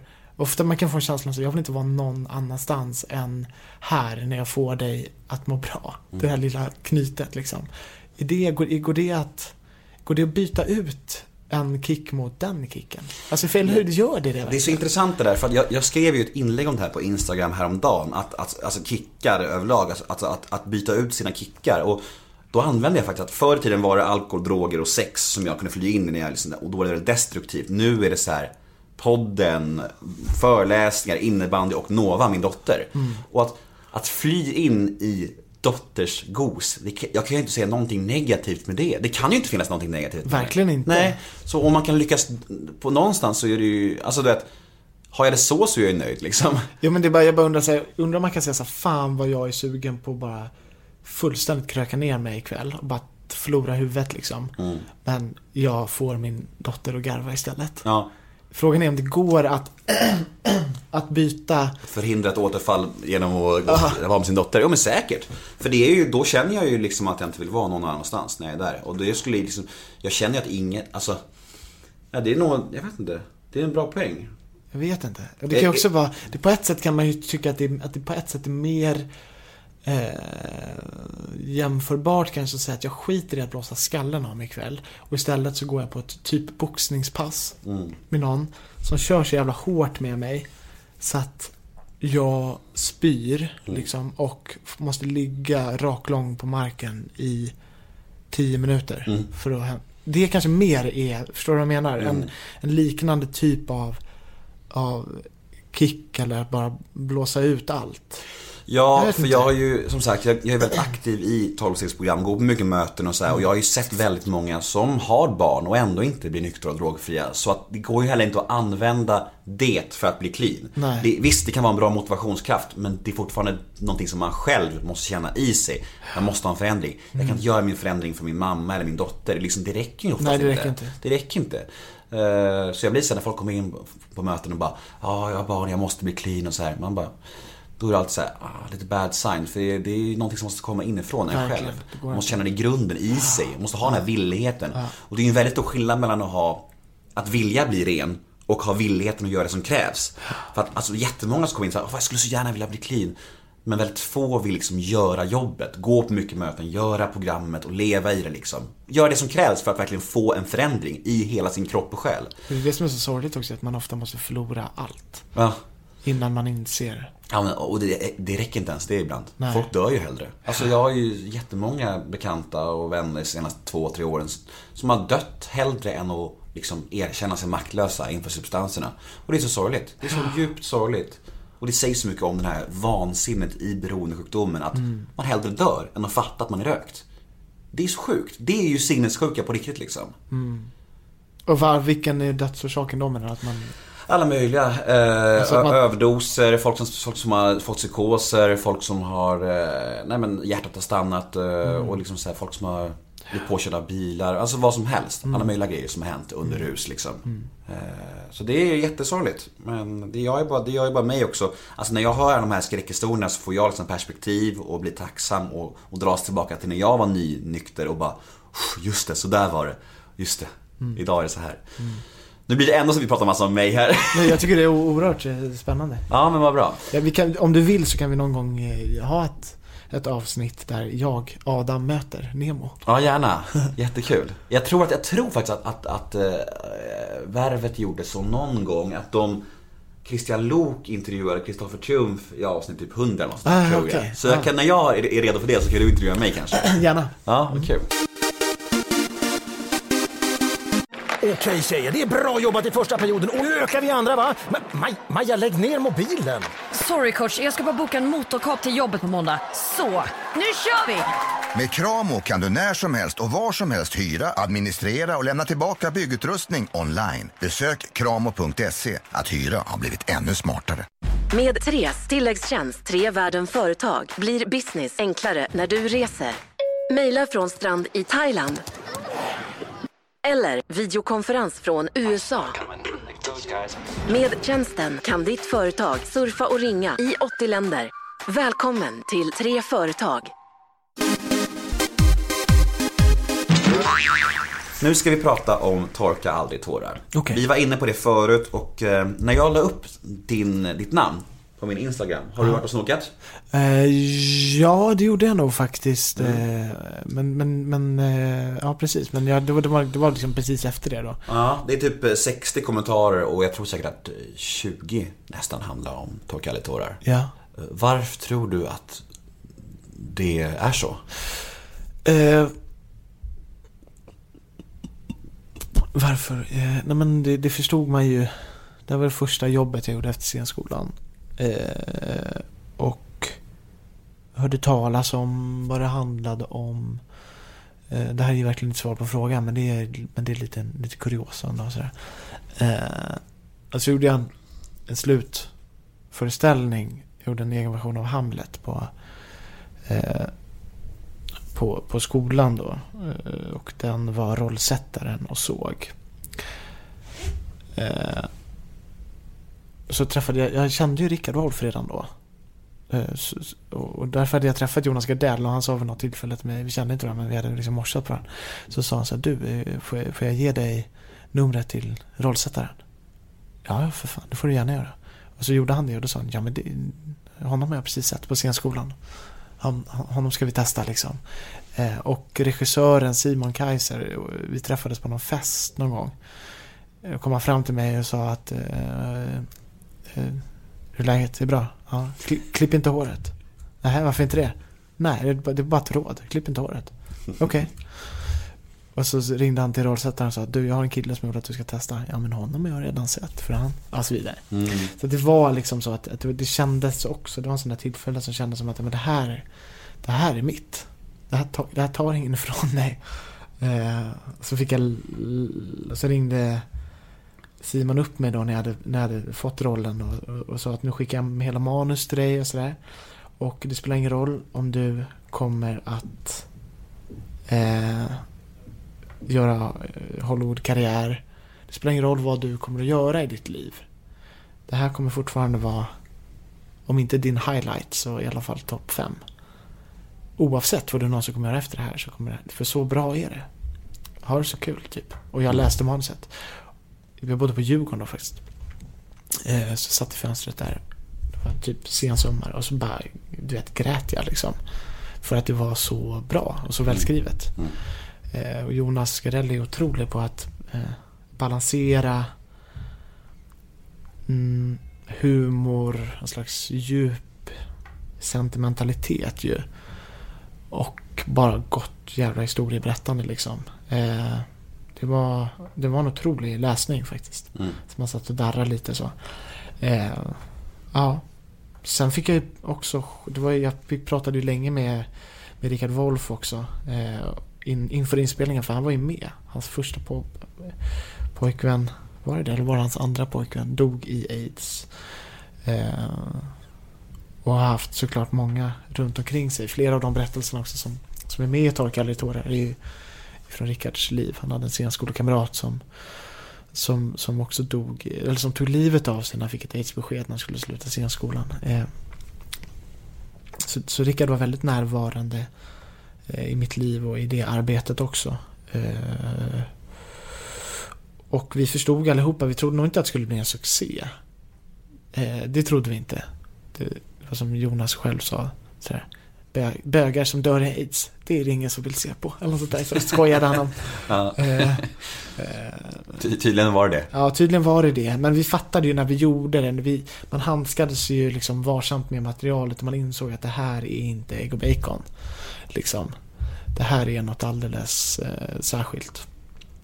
Men däremot kan man inte svära på hur bra det kommer att bli eller hur eh, bra det kommer att gå publikt och sådär. Eh, Men du läste böckerna först? Nej, de fanns inte då faktiskt. Nej. Eh, Jag tror att första boken typ, typ var klar nästan när manuset var klart. Så Jag skrev filmmanuset först. Okej. Så jag har faktiskt inte läst. Jag läste första boken bara. Alright, jag trodde det var baserat på böcker. Nej. Jag får kli- klippa bort Nemo. Nu gjorde du fel i din research. Nej, jag tror att många, jag tror, jag tror, att många tror det. det Ja, men det var faktiskt en fråga från Instagram, så det var inte mitt fel. Jag förstår. Ja, ja. Jag skyller ifrån mig. Ja, gör det. Hur var det att spela homosexuell? Var det något speciellt i förberedelserna eller var det liksom bara som, som, vad, som, vad som helst? Nej, det var ingenting, det var ingenting mär- märkligt eller, eh, eller eh, såklart. Men, men däremot så, så minns jag att det var någon scen där jag skulle ha sex med en man, one night stand. Förmodligen också det sexet där jag, där jag blir eh, smittad av hiv. Man ska på något sätt kanske förstå det också tror jag. Jag tror man jo, kanske men gör det ska man. Ja. Det minns jag rätt om också. Och det blir ju extra smärtsamt förstås. Eh, Just för han har, han har några, några, några, sår eller märken på ryggen. Och då minns jag att jag tänkte på det eh, när jag skulle bli eh, påsatt i, i missionärställningen. Och så var kameran liksom uppifrån typ mot mig, liksom mot Mm. mitt ansikte. Och så skulle han typ säga att han var på väg och jag skulle liksom krama om honom och säga ja kom, kom typ, kom Mm. i mig liksom, kom. Eh, och det minns jag när jag gjorde det att jag tänkte så här. Att jag fick en kick av det. Jag tänkte att här får ni liksom Sverige Mm. i prime time. Liksom. In your face. Det kommer jag att jag tänkte att, jag, att, att det var häftigt. Mm. Att, att det var, det kändes som att här gör vi någonting som aldrig har gjorts. Typ. Som äntligen eh, får, får göras. Mm. Så, så, så har jag för mig att jag tänkte. Mm. Har du sett eh, resultatet? Alltså serien efter? Ja, ja, ja, ja det såg jag ju såklart. Men, men, men det var ju åtminstone fem år sedan. Så jag kommer säkert vänta eh, Mm. ganska lång, tid innan jag ser det igen. Ju otroligt smärtsamt serie. Alltså jag vet inte, jag, jag brukar inte gråta så mycket av serier och sånt men eh, fan vad jag grät när jag såg den. Alltså. Jag tyckte den var så jävla jobbig och, och, och sorglig och men också jättefin men också så jävla... Det var någonting med den som var så jävla...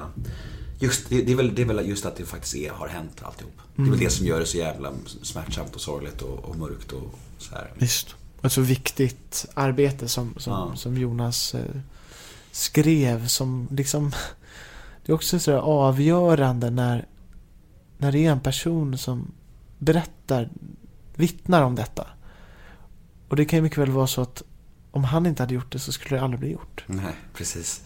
Eh, Så jävla viktig människa på ett sätt. Alltså, Ja, du vet, det är- fanbärare för en hel jävla tid på något sätt. Sen var ju Rickard också det och, och, och flera andra också. Men just på det sättet som, som Jonas kan berätta eh, i film och, och att skriva romaner och filmmanus och sådär. Att det, att det var så otroligt viktigt. Vilka, vilka bestående insatser Mm.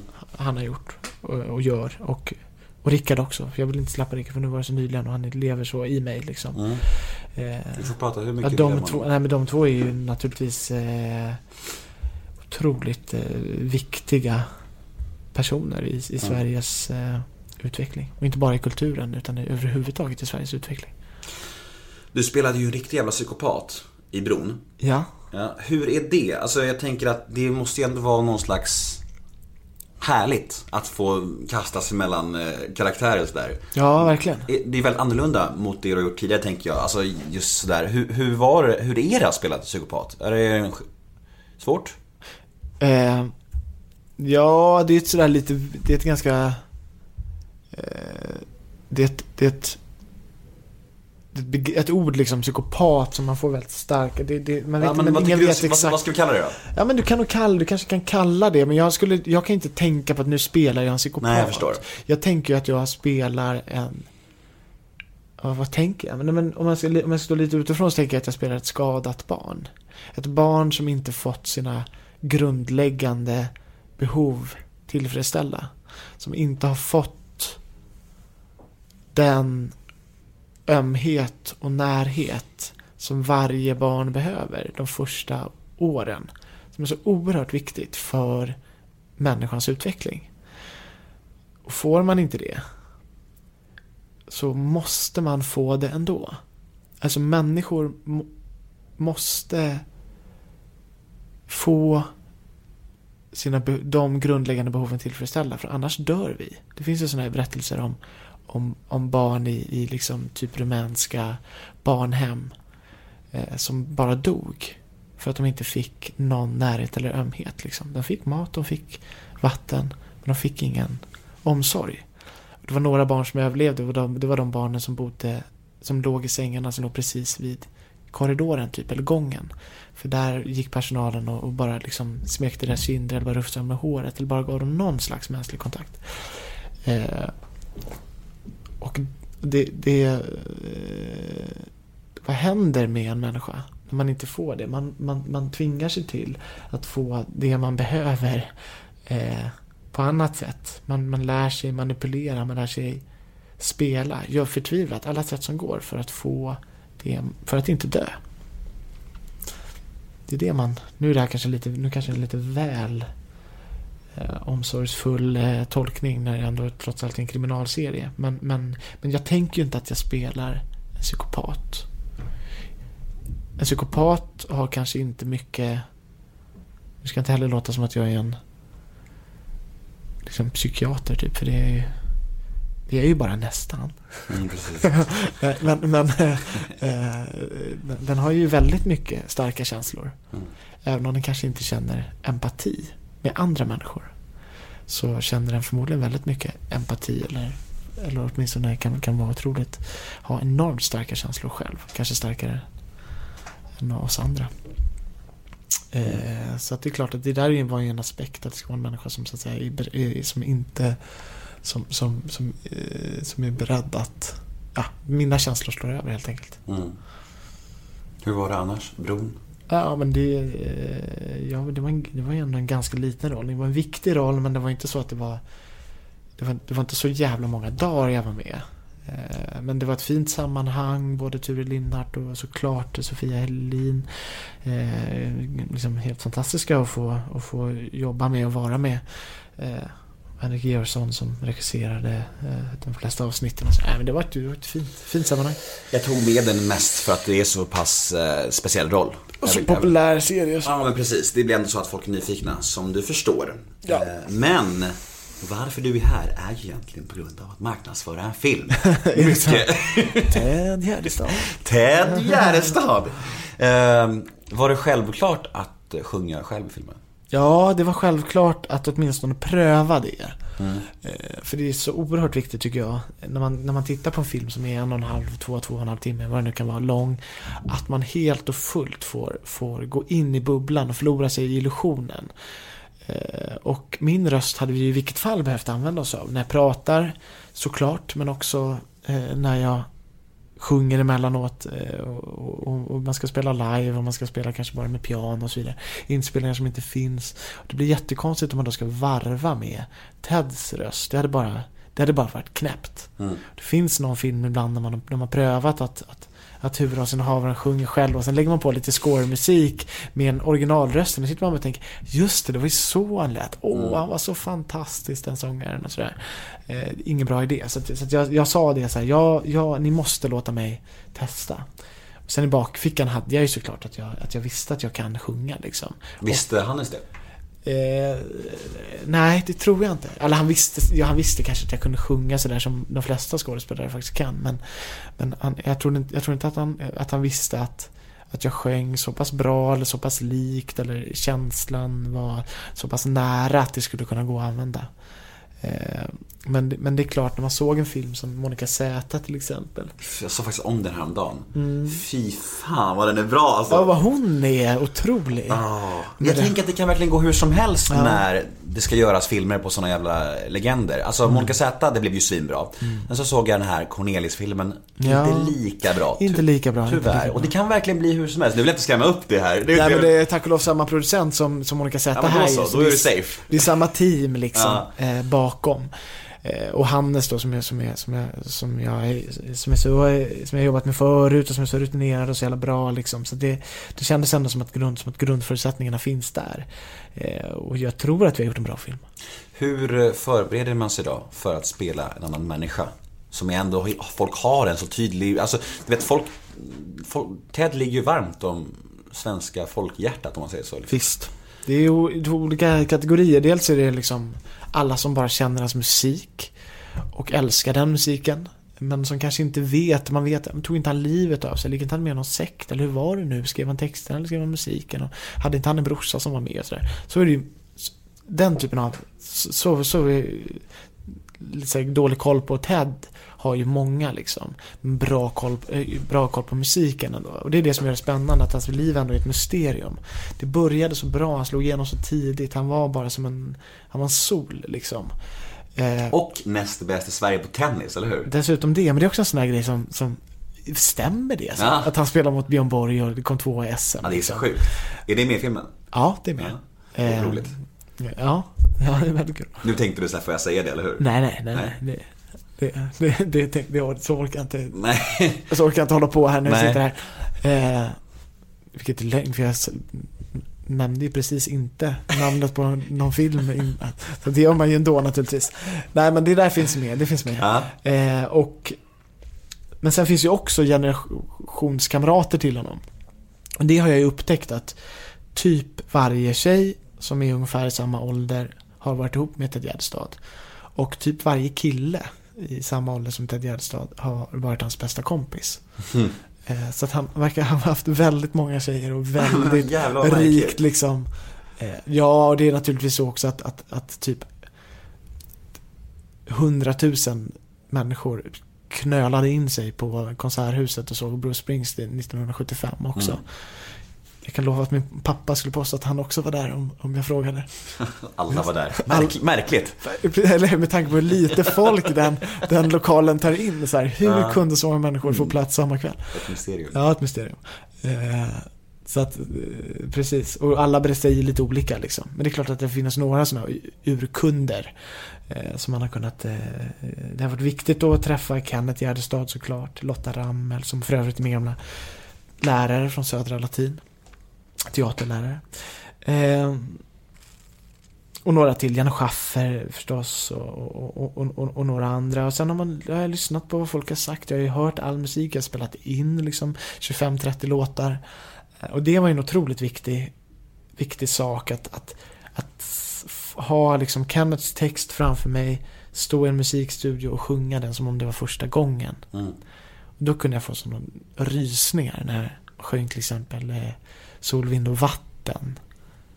Man, hör, man märkte, och alla vi som spelade in, det är ju grymma musiker liksom. Sveriges så här, pop elit liksom. Mm. Alla kände det när man spelade den, att vilken jävla låt. Du vet, inte en ton, inte en ackordföljd som man vill röra.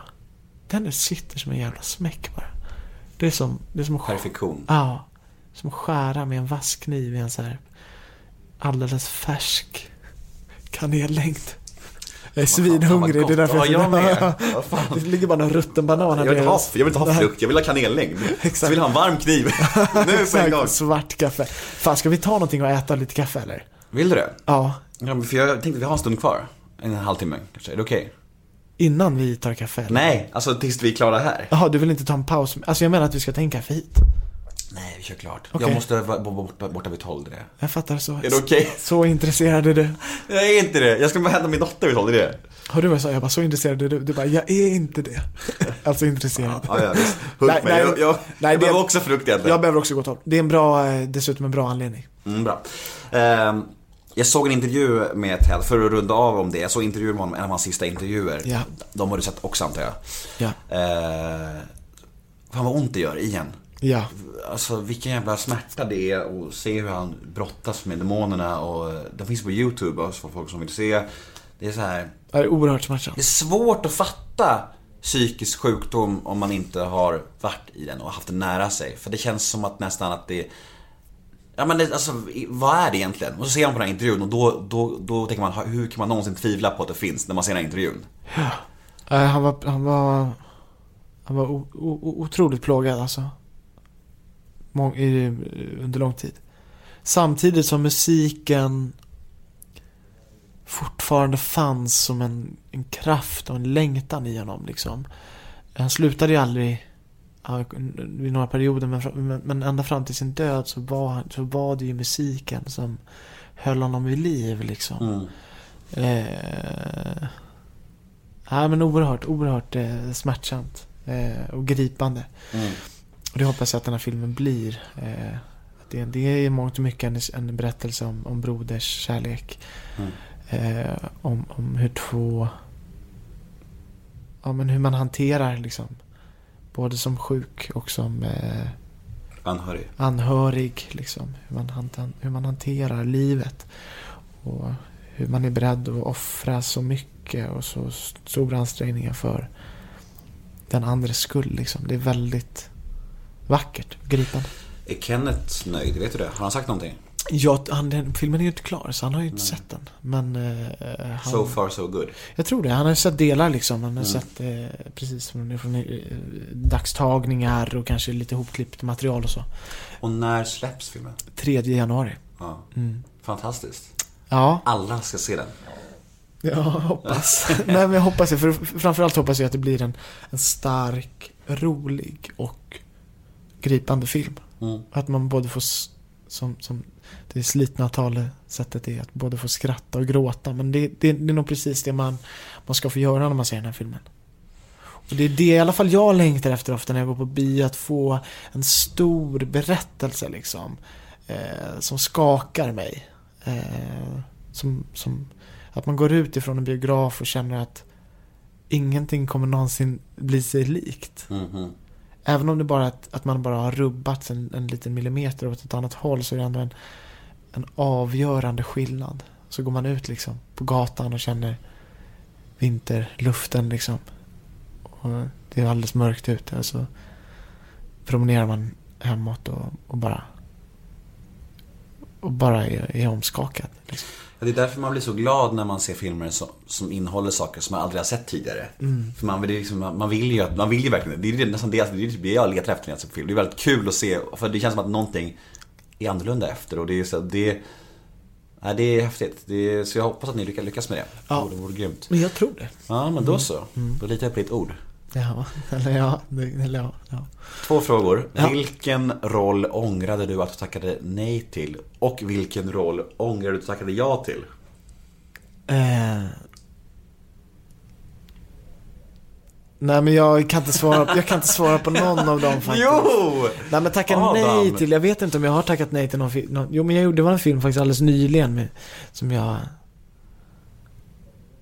Nej, jag ångrar ingenting. Nej. Jag ångrar ingenting. Det finns, alltså, jag...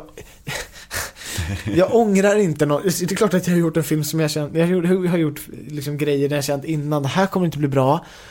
Under tiden vi har spelat in det här känt, det här kommer inte bli bra. Jag har ångest för det efteråt, ångest är att ta i, men jag, har- jag har liksom bes, varit besvärad av det efteråt och tänkt, fan det här kommer inte bli, bli bra, jag ser det och det blev inte bra. Eh, och jag ångrar inte att jag gjorde det. Eller, nej, det gör jag inte. Det är helt okej. Skitsamma, jag gjorde det. Men jag har lärt mig någonting. Jag kommer inte göra det igen. Men har du tackat nej till någonting som du sen, sen har sett att shit det här blev ju svinbra, fan att jag inte var med där? Eh, Det är inget svårt att svara, det är inget farligt svar på nej, men det. jag, nej, men det är inte farligt. Jag tänker efter. Jag har sett... Jo, men till exempel var det så att jag och Rickard eh, drev en pjäs länge, Wolf alltså, som vi skulle göra. Eh, på en annan teater, på Stadsteatern. Och jag tackade nej till den för att jag hade ett längre kontrakt på Dramaten som jag inte ville bryta. Eh, för plötsligt var sa Stadsteatern, men nu vill vi göra den liksom. Och jag var så här, men det går inte för jag har, jag har roliga saker på Dramaten och jag har ett långt kontrakt kvar. Eh, så jag kan inte, kan vi inte skjuta på den? Nej, vi kan inte skjuta på den. Nej, men då, då måste jag säga nej, för Dramaten vill inte låta mig vara tjänstledig. Eh, och det är klart att det en dag som denna så, så, så eh, känns det smärtsamt. Mm. Men å andra sidan det, det hade inte gjort någon skillnad i vår vänskap. Jag tycker på sätt och vis också att, det, att vår vänskap blir ännu renare när den, när den faktiskt bara var Klart vi pratade eh, timme ut och timme in om det här jobbet. Om det vi gör. Om, om vår eh, kärlek till teatern, musiken, filmen, livet liksom. Men eh, det är på ett sätt rent att vi inte jobbade ihop också. Hur fungerar ett sånt kontrakt annars, alltså med Dramaten just? Är det så att om de säger så här, om du ska vara med i den här uppsättningen så måste du tacka ja till det, eller funkar det? Ja, så ska det ju egentligen vara att, att, att arbetsgivaren säger, eh, den kan fråga vad har du lust med, men man säger det här vill jag att du ska göra och eh, passar det inte eh, så får du ta tjänstledigt. Mm. Men så kanske det inte fungerar i praktiken, men i teorin ska det väl vara, ska det väl vara så. Så att inte alla anställda kan gå runt och vara småpåvar och säga att nej, det där vill jag inte göra, jag vill spela Hamlet och jag vill göra det. Så Mm. Det går inte, då blir det ingenting. Så man, det är ändå så att man får, man får, eh, man får önska och sen säger chefen okej, jag har tagit in det du har sagt men det här är det jag erbjuder. Men är det inte svårt sen då att bli tvungen, inom citationstecken, att göra saker som man kanske inte känner 100% för? Jo, så kan det ju vara. Ja. Självklart. Ja. Så kan det ju vara. Eh, men i praktiken så är det ju så, så är ju inte kanske alla lika mycket värda. Alltså nu pratar jag inte just Dramaten, nu menar jag överhuvudtaget. Och det är också det som hela den här liksom, eh, diskussionen, det här med metoo och så vidare handlar om. Att det finns några som, som, som Bestämmer. Som, som bestämmer, som kan bete sig liksom. Eh, medan andra får rätta sig i ledet och anpassa sig liksom. Eh, eh, och det är ju inte, det tror inte jag är unikt för, för, för teatern eller- utan det tror jag det tror jag är högst generellt. Nej, det, så, det ser vi också. Varenda jävla bransch kliver fram. Så att det är ju, om inte annat, bevis på det. Ja. Eh, jag tror att det var i Ebbots ark som du pratade. Du snuddade vid eh, ångest och, och psykisk ohälsa och så här. Vad skulle du säga? Vad sa jag då? För jag såg inte det själv tyvärr. Nej, men jag, jag kommer inte riktigt ihåg exakt. Jag såg att ni pratade lite om ångest och sådär. Och Okej. vi, vi behöver inte gå in närmare på din medverkan där. Jag, jag tänker bara att ångest överlag. Vad har du för relation till ångest? Eh, jag... Jag har ingen depressiv natur överhuvudtaget. Eh, jag blir sällan lamslagen eller apatisk eller att, att ångesten eller dåligt må, liksom mående sådär, peppar peppar. Men, men att det, det kan inte eh, kan inte ta mig på det sättet. Men däremot är jag en vemodig och en, och en melankolisk eh, person. Eh, kan vara sorgsen. Men det är mer en slags stilla, eh, stilla molande verk liksom i mig. Som är en del av mig, som är en del av mitt av, av, av mitt blodomlopp, mitt DNA liksom. Mm. Som jag inte skulle vilja vara, bli av med. Eh, och det är klart att, att jag, jag kan drabbas av ångest när den är befogad liksom. Eh, och jag kan vara orolig. En orolig person. Det, kan, det kan jag ofta vara. Eh, och jag är skuldmedveten. Jag känner mig aldrig som ett offer. Jag känner mig aldrig kränkt eller illa behandlad. Ibland kan jag ryta ifrån sådär. Jag är arg för att nu, på ett intellektuellt plan så kan jag förstå att nu har du gått över gränsen och då vill jag markera det. Inte för att det händer så ofta, men det skulle kunna hända. Mm. Men det är aldrig så att jag känner att du har behandlat mig illa eller att jag är kränkt eller jag är ett offer. Det, det är bara... Tvärtom mot mig alltså. Ja. Vad det- skönt det ja. låter. Grattis till det. Alltså, men det skulle också vara livsfarligt om du och jag var ihop. Mm. Eh, för du skulle kanske i så fall kunna känna dig kränkt, kanske, kanske jag vet inte, bli martyr eller bli Mm. ett offer. Och jag skulle direkt känna mig som en förövare. Mm, jag förstår. Eh, Men du, och- du bryr dig alltså aldrig om du får dåliga recensioner eller vad som helst? Det, det, det går inte in, det rinner bara av dig? Nej, det är klart att jag kan bli ledsen och så vidare. Men, men jag, jag känner mig inte... Jag känner mig aldrig som ett offer. Nej. Det är som att om någon ger mig en dålig recension, då, då blir jag snarare så. Nu låter det som att jag är livs, livsfarlig. Men det är snarare så att jag känner så här, nu får jag anstränga mig för att inte hugga huvudet av dig verbalt.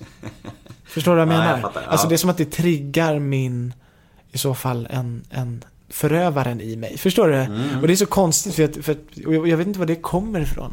Men, men, men, det, men, men det funkar väldigt bra att Mm. vara att vara martyr med mig. Eller, Mm. vara, eller att vara eh, nu tack och lov, Celine som jag är ihop med, hon är verkligen inte så. Det är så jävla, jävla bra alltså.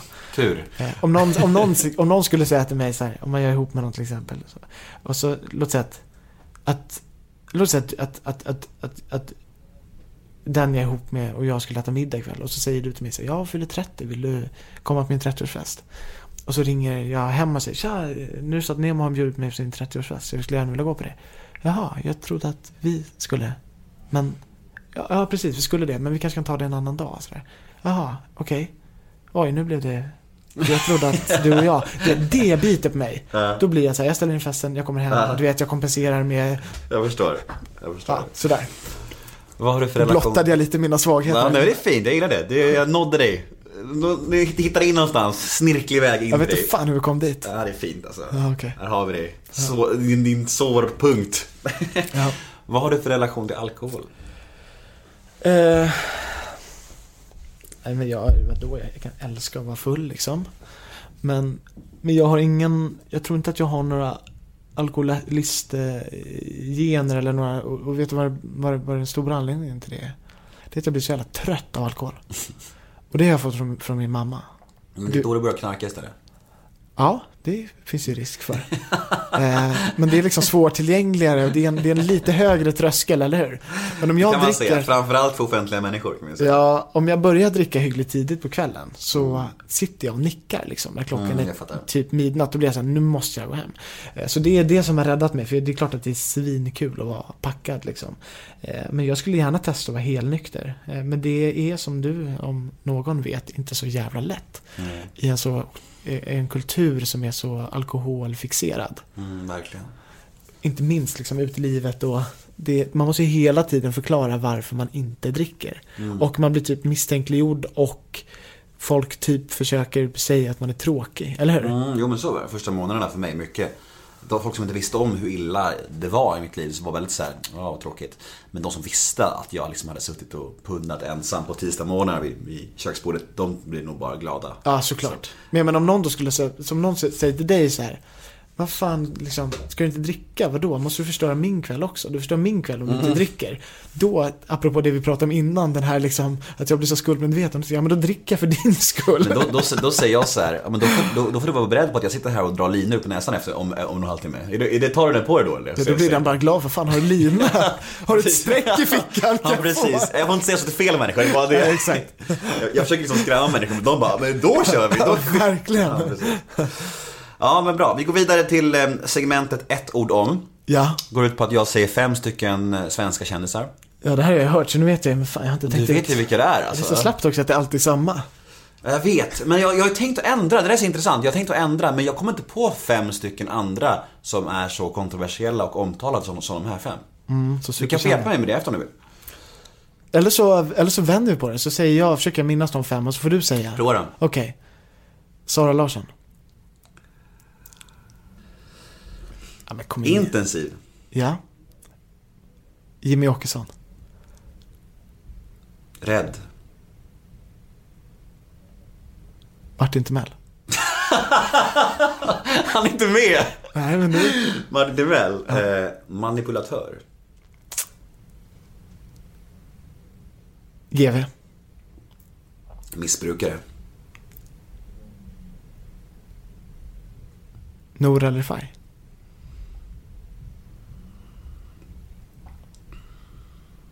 Modig. Mm. Mm. Vill du köra dina också eller? Nej, Eller- nej? det är okej. Du, eh, Då har publiken hade- fått nog av... av, av... Ja men precis. Du fick med, du fick med tre av mina fem som jag brukar ha med. Ja, men jag är medveten. Jag, jag ska försöka komma på vilka de andra är. Nej, jag kommer inte ihåg. Du tog bort Alex Schulman och Marcus Birro. Ah. Mm. Men det var, det var kul att få göra det. Jag har aldrig fått göra det. Hur kändes det? Det kändes faktiskt fint. Eh, Men ja, ja, bra grepp Adam, bra grepp. Vilken var svårast då? Nej men det är ju alltid svårt att prata. Jag tycker att alla, alla är svåra tycker jag. Eh, jag tycker att Sara Larsson är en skitgrym musiker. Men hon, hon, ibland uppfattar jag som att hon är så otrolig. Hon tar, tar, på- tar på sig så himla mycket. Och jag tänker att det kan straffas lite i längden att ta så mycket ansvar. Och, och, för hon är så pass ung. Hon är 17-18 år och gör så mycket. Jag tänker att hon... Det, hon får- hon måste vara rädd om sig. Eh, men jag, jag beundrar hennes mod, jag beundrar hennes, det hon gör för, för unga tjejer och feminism och allting. Jag tycker det är grymt. Men, men ibland känner jag så här, fan, ta det lugnt. Liksom, lite grann. Och Jimmy Åkesson är svår att prata om. Jag tycker att jag, jag, jag ehm, är ju väldigt vänster i mitt röstande. Men jag, jag tycker att Jimmy Åkesson är en politiker som Uppenbarligen så är han ju en duktig politiker. Alltså han, han bär ju ett parti på sina axlar som, som utan honom skulle inte ha någonting. För alla andra gör ju bort sig hela tiden. Mm. Och Jimmy i sin tur är ju duktig på politik. Fast hans åsikter tycker jag är vansinniga. Och jag tycker man måste kunna hålla isär det på något sätt.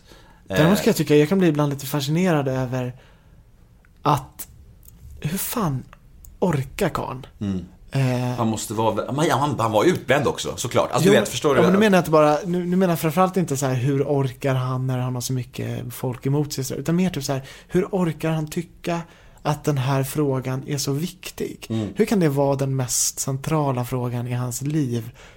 Under typ hela livet. Är att jag vill inte att människor med annan etnisk bakgrund och kulturell bakgrund ska vistas i, på, i samma geografiska område som jag. Jag vill ha en homogen eh, kultur där vi ser likadana ut och alltså jag menar så här, hur jävla viktigt kan det vara? Jag fattar inte heller Det är det. så jävla skumt Ja, det är jättekonstigt verkligen. Och sen GV tycker jag så här att, att det är så kul med GV för han sa i någon intervju att han, han dricker halva året, krökan. Ja. Och halva året är han nykter. Men så sa han i en annan intervju att, att det året han är nykter så käkar han lugnande tabletter, benzo. Jag vet inte, hur nyktert är det? Det är därför jag sa missbrukare. För om man har halva året piller, halva året alkohol, då är han ju då är det ju ingenting att vara nykter. Det är ingen nykterhet, tycker jag då. Nej, nej. Men det var därför jag sa missbrukare om honom. Ja. Eh, Men han är ju han är härlig på sitt sätt såklart. Eh, Ja, oj, vilken tänk eh, den dagen typ. Det är några sådana människor som man, alltså tänk den dagen Leif GW Persson inte finns längre. Nej men hur, hur viktig. fundament i Ja. svensk... Eh, allt. Han är ju överallt och han syns ju överallt och... Man, och han är ju väldigt likable men... vet du vad han sa när jag ringde honom om podd? Nej, Det har inte jag berättat förut, men jag kan säga det för han kommer, Nej, aldrig, han kommer aldrig vara med ändå. jag kommer aldrig lyssna på det här. Nej, han kommer aldrig vara med, han kommer aldrig lyssna på det här. Men jag ringde honom och bara, bara hej, berätta lite så här, lalala. Han bara, du slipper mig! Så la han på. Jag bara, vad? Jag slipper dig? Jag vill inte slippa dig. Det enda han sa, du slipper mig, så la han på. Jag bara, jaha okej, hej då. Men han- du, han berättar ditt ärende. Ja, ja. Jag berättade så. Jag driver en podcast, de här har varit med och den är så här och så här stor och jag, och jag tycker du är asspännande, jag skulle vilja vara med. Du slipper mig! Klick. Klick. Ja. När jag började på Dramaten så hade jag en logebgranne som är en, en, en av våra mer berömda skådespelare. Liksom, eller inte våra mer berömda, men han, han, han han, på Dramaten i alla fall. Mm. Eh, och så skulle jag Och så såg jag att han hade dörren öppen, han skulle spela föreställning om två timmar och jag skulle se den föreställningen. Han satt och liksom eh, klädde på sig typ och hade påklädare in och ut hela Mm. tiden. Som eh, hade strukit någon skjorta och som de gav till honom, han var så omhändertagen. Eh, och så knackade jag på dörrkarmen och sa hans namn och sa så här, jag kommer att, jag kommer att titta på dig ikväll. Det var första gången jag tilltalade honom tror jag. Och då satt han så här ne- ner, ner eh, och knöt skosnörena. Och så var det en lång paus. Och så vände han sig långsamt upp mot mig, såg mig i ögonen och sa Det skiter väl jag i. Fan alltså. Och så vände han sig tillbaka. Men, men den här människan var jättetrevlig senare. Det var inte Örjan Ramberg. Jag nämner ingen namn. Men oavsett vem det var så var han astrevlig. Då så var han astrevlig senare och så vidare. Och, och, och det var inte så att det har inte, liksom, inte, det har inte satt Nej, några spår i mig. Men det var bara roligt, apropå eh, jag vet inte vad. Det är roligt. Eh, vi ska avsluta med veckans brev som lyder så här. Hej Adam, har du någon Amerikadröm? Hur ser den ut i sådana fall? Jobbar du aktivt för det? Amerika? Vem fan säger Amerika nu för tiden? Amerika. Låter som en gammal tant. Amerika? Eh, alltså sanningen är ju den att hade jag, jag är en jävligt målinriktad tävlingsmänniska liksom. Så hade jag haft en dröm om Hollywood så hade jag eh, inte suttit här. Och då menar jag inte att jag hade varit framgångsrik, men jag hade åtminstone varit där och Mm, försökt, förstår. försökt, försökt mig på det. Och det har jag inte gjort. Och då undrar jag varför har jag inte gjort det då? Det kanske inte är en så stark dröm i mig, att jag har egentligen andra drömmar. Men, jag, men, men, men det kan också vara så att det, att det bara är att jag tror inte att jag skulle lyckas och därför vågar jag inte försöka för jag vill inte misslyckas. Eh, men men jag, jag, jag vet inte. Jag har sagt det vid några tillfällen så här att om jag fick välja mellan att få en Hollywood-roll i en Hollywoodfilm eller få chans att regissera en svensk långfilm så skulle jag det skulle inte vara ett val för mig. Jag skulle välja nummer två. Så, så, så, eh, men å andra sidan, det kunde det vara klart att det måste vara mäktigt att, att ge sig ut på äventyr. Liksom. Eh, allt är ju större. Liksom. Eh, men eh, ja, det är också det där, nu när jag fyller 30 så börjar jag börja tänka lite, fan om det, om jag, jag kan inte skjuta allting på morgondagen. Jag har ju ändå en massa kompisar som är over there liksom. Mm. Och som lyckas och som verkar tycka det är jävligt kul alltså. Mm. Eh, Svårt dock kanske med barn och sen nu, eller? nej, det tror jag skulle vara minsta problemet. Ah, okej. Mm. Jag tror liksom, både Sli och Dylan skulle nog tycka att det var high five. Mm. Att, att dra till Los Angeles liksom. Eh, Kanske kommer lite erbjudanden efter Ted då? Ja, det tror jag inte. Jag tror inte det kommer några erbjudanden. Däremot så... eh, Jag menar, jag får skicka iväg en self-tape idag om jag vill. Alltså det är verkligen så nu för tiden. Mm, det handlar om att vad du gör och du vill liksom. Exakt. Det, det är så jävla lätt nu för tiden. Om jag öppnar den dammluckan så kan jag få 10 manus om dagen alltså. Och inte bara jag, utan egentligen vilken skådespelare som helst i Sverige. Mm. Så det handlar ju om att man ska sätta sig ner och säga till sig själv, nu fan kör vi liksom. Eh, För det Mm. handlar nog ofta om att skicka iväg tusen tejper liksom. Som man lägger ner ganska mycket tid på. Och i princip alla gånger så får man ingen respons. Man vet inte ens om någon, någon har sett det. Man skulle lika gärna kunna bara spolat ner, eh, det, svart, det kunde bara liksom ha slukats av ett svart hål. Mm. Och det kan nog vara eh, ganska förtvivlande. Eh, att, att hela tiden ringa kompisar som ska vara med som motspel, hitta lokaler, du vet, köpa vinflaskor som tack till folk. Och Mm, någon ska filma, man ska plugga in text och så vidare. Och så får man, upplever man att så här, jag, det, jag får ingen respons. nej. Mycket, Men sen, mycket jobb så kanske någon ser det liksom. ja. Nej, det är deppigt. Å andra sidan 246 gången så ringer någon och säger så här. Tja! Vi vill sätta dig på ett plan till London Mm. nu. Kan du åka nu? Liksom. Mm. Eh, så då, då, men då måste man ha den. Och jag har mer varit inne på att jag vill skriva, jag vill driva projekt, jag vill utveckla projekt, jag vill kanske med tiden, vem vet, regissera. Det, jag, har mer, jag har mer haft den typen av, av drömmar. Mm. Vi är klara. Hur känns det här då? Det känns typiskt att vi är klara. Tycker du det? Precis börjar bli varm i kläderna. Vi har faktiskt suttit i en timme och 42 minuter. Mm, jag kände att du började liksom mot slutet här började liksom vackla lite med. Men jag, det, det säger mer om mig än om dig. Tror jag. Alltså, un, för ungefär vid den här tidpunkten så, så spritter hela min kropp. Ja. Jag, jag, jag, Det kanske där det kanske finns en anledning till att en, en lång film är en och en halv. Ja men precis, så är det ju. Och jag, jag, jag har väldigt svårt att fokusera efter ungefär en, en och en halv timme. Vi hade typ kunnat sitta i fem timmar tror Nej, jag. jag vet, men, du har inte lika många diagnoser som jag. Nej, och vi ska också, vi ska också eh, jag tror publiken tackar oss. Ja, men det tror jag också. Eh, och för ett fint samtal får vi hoppas. Ja, jag vet inte. Ja, vi får se. Det är... Vadå vi får se? Du har inte, du, du, du Jag har inte det. lyssnat någonting på vad du har sagt. Exakt. Jo, men min känsla är att det här blev väldigt bra. Ja. Det är min känsla. Min rutinkänsla säger det. Eh, om någon vill nå dig, du finns på Instagram. Ja. Vad heter du där? Palssons bygg. Mm, varför? Ja, för att min farbror hade en byggfirma som hette Paulssons bygg. Mm. In och följ Paulssons bygg. Paulsson. Nej, inte Robin Paulsson som han SVT-programledare. Palsson. Robin- Som Paulsson utan, utan eh, rim. In och följ Paulssons bygg på Instagram. Du, jag är inte särskilt aktiv så så att Nej. eh, Du kommer bli det, snart. ko- det kommer inte förändra ert liv. Nej. Tror jag till det bättre. Jag heter Nemo Hedén på Twitter och Instagram. Hashtaggen är NEMOMÖTER. In och gilla oss på Facebook. Nemo möter en vän. Och gå och se TED som går upp på bio alldeles snart. Vi säger stort tack till Adam Paulsson. Puss. Hej då! Hej. Det sitter en pojke på månen och tittar nyfiket ner. Det sitter en pojke på månen. Han sitter stilla och ler. Det sitter en pojke på månen. Han sjunger stilla sin sång. Älska, älska för kärlek. Älska en endaste gång. Men mamma, du måste förklara. Vad är meningen med det här? Varför kom jag till jorden om jag bara är till besvär? Nu dalar min sol över söder, jag längtar till helt andra hav. Den största sorgen i livet är den att jag aldrig blev vald.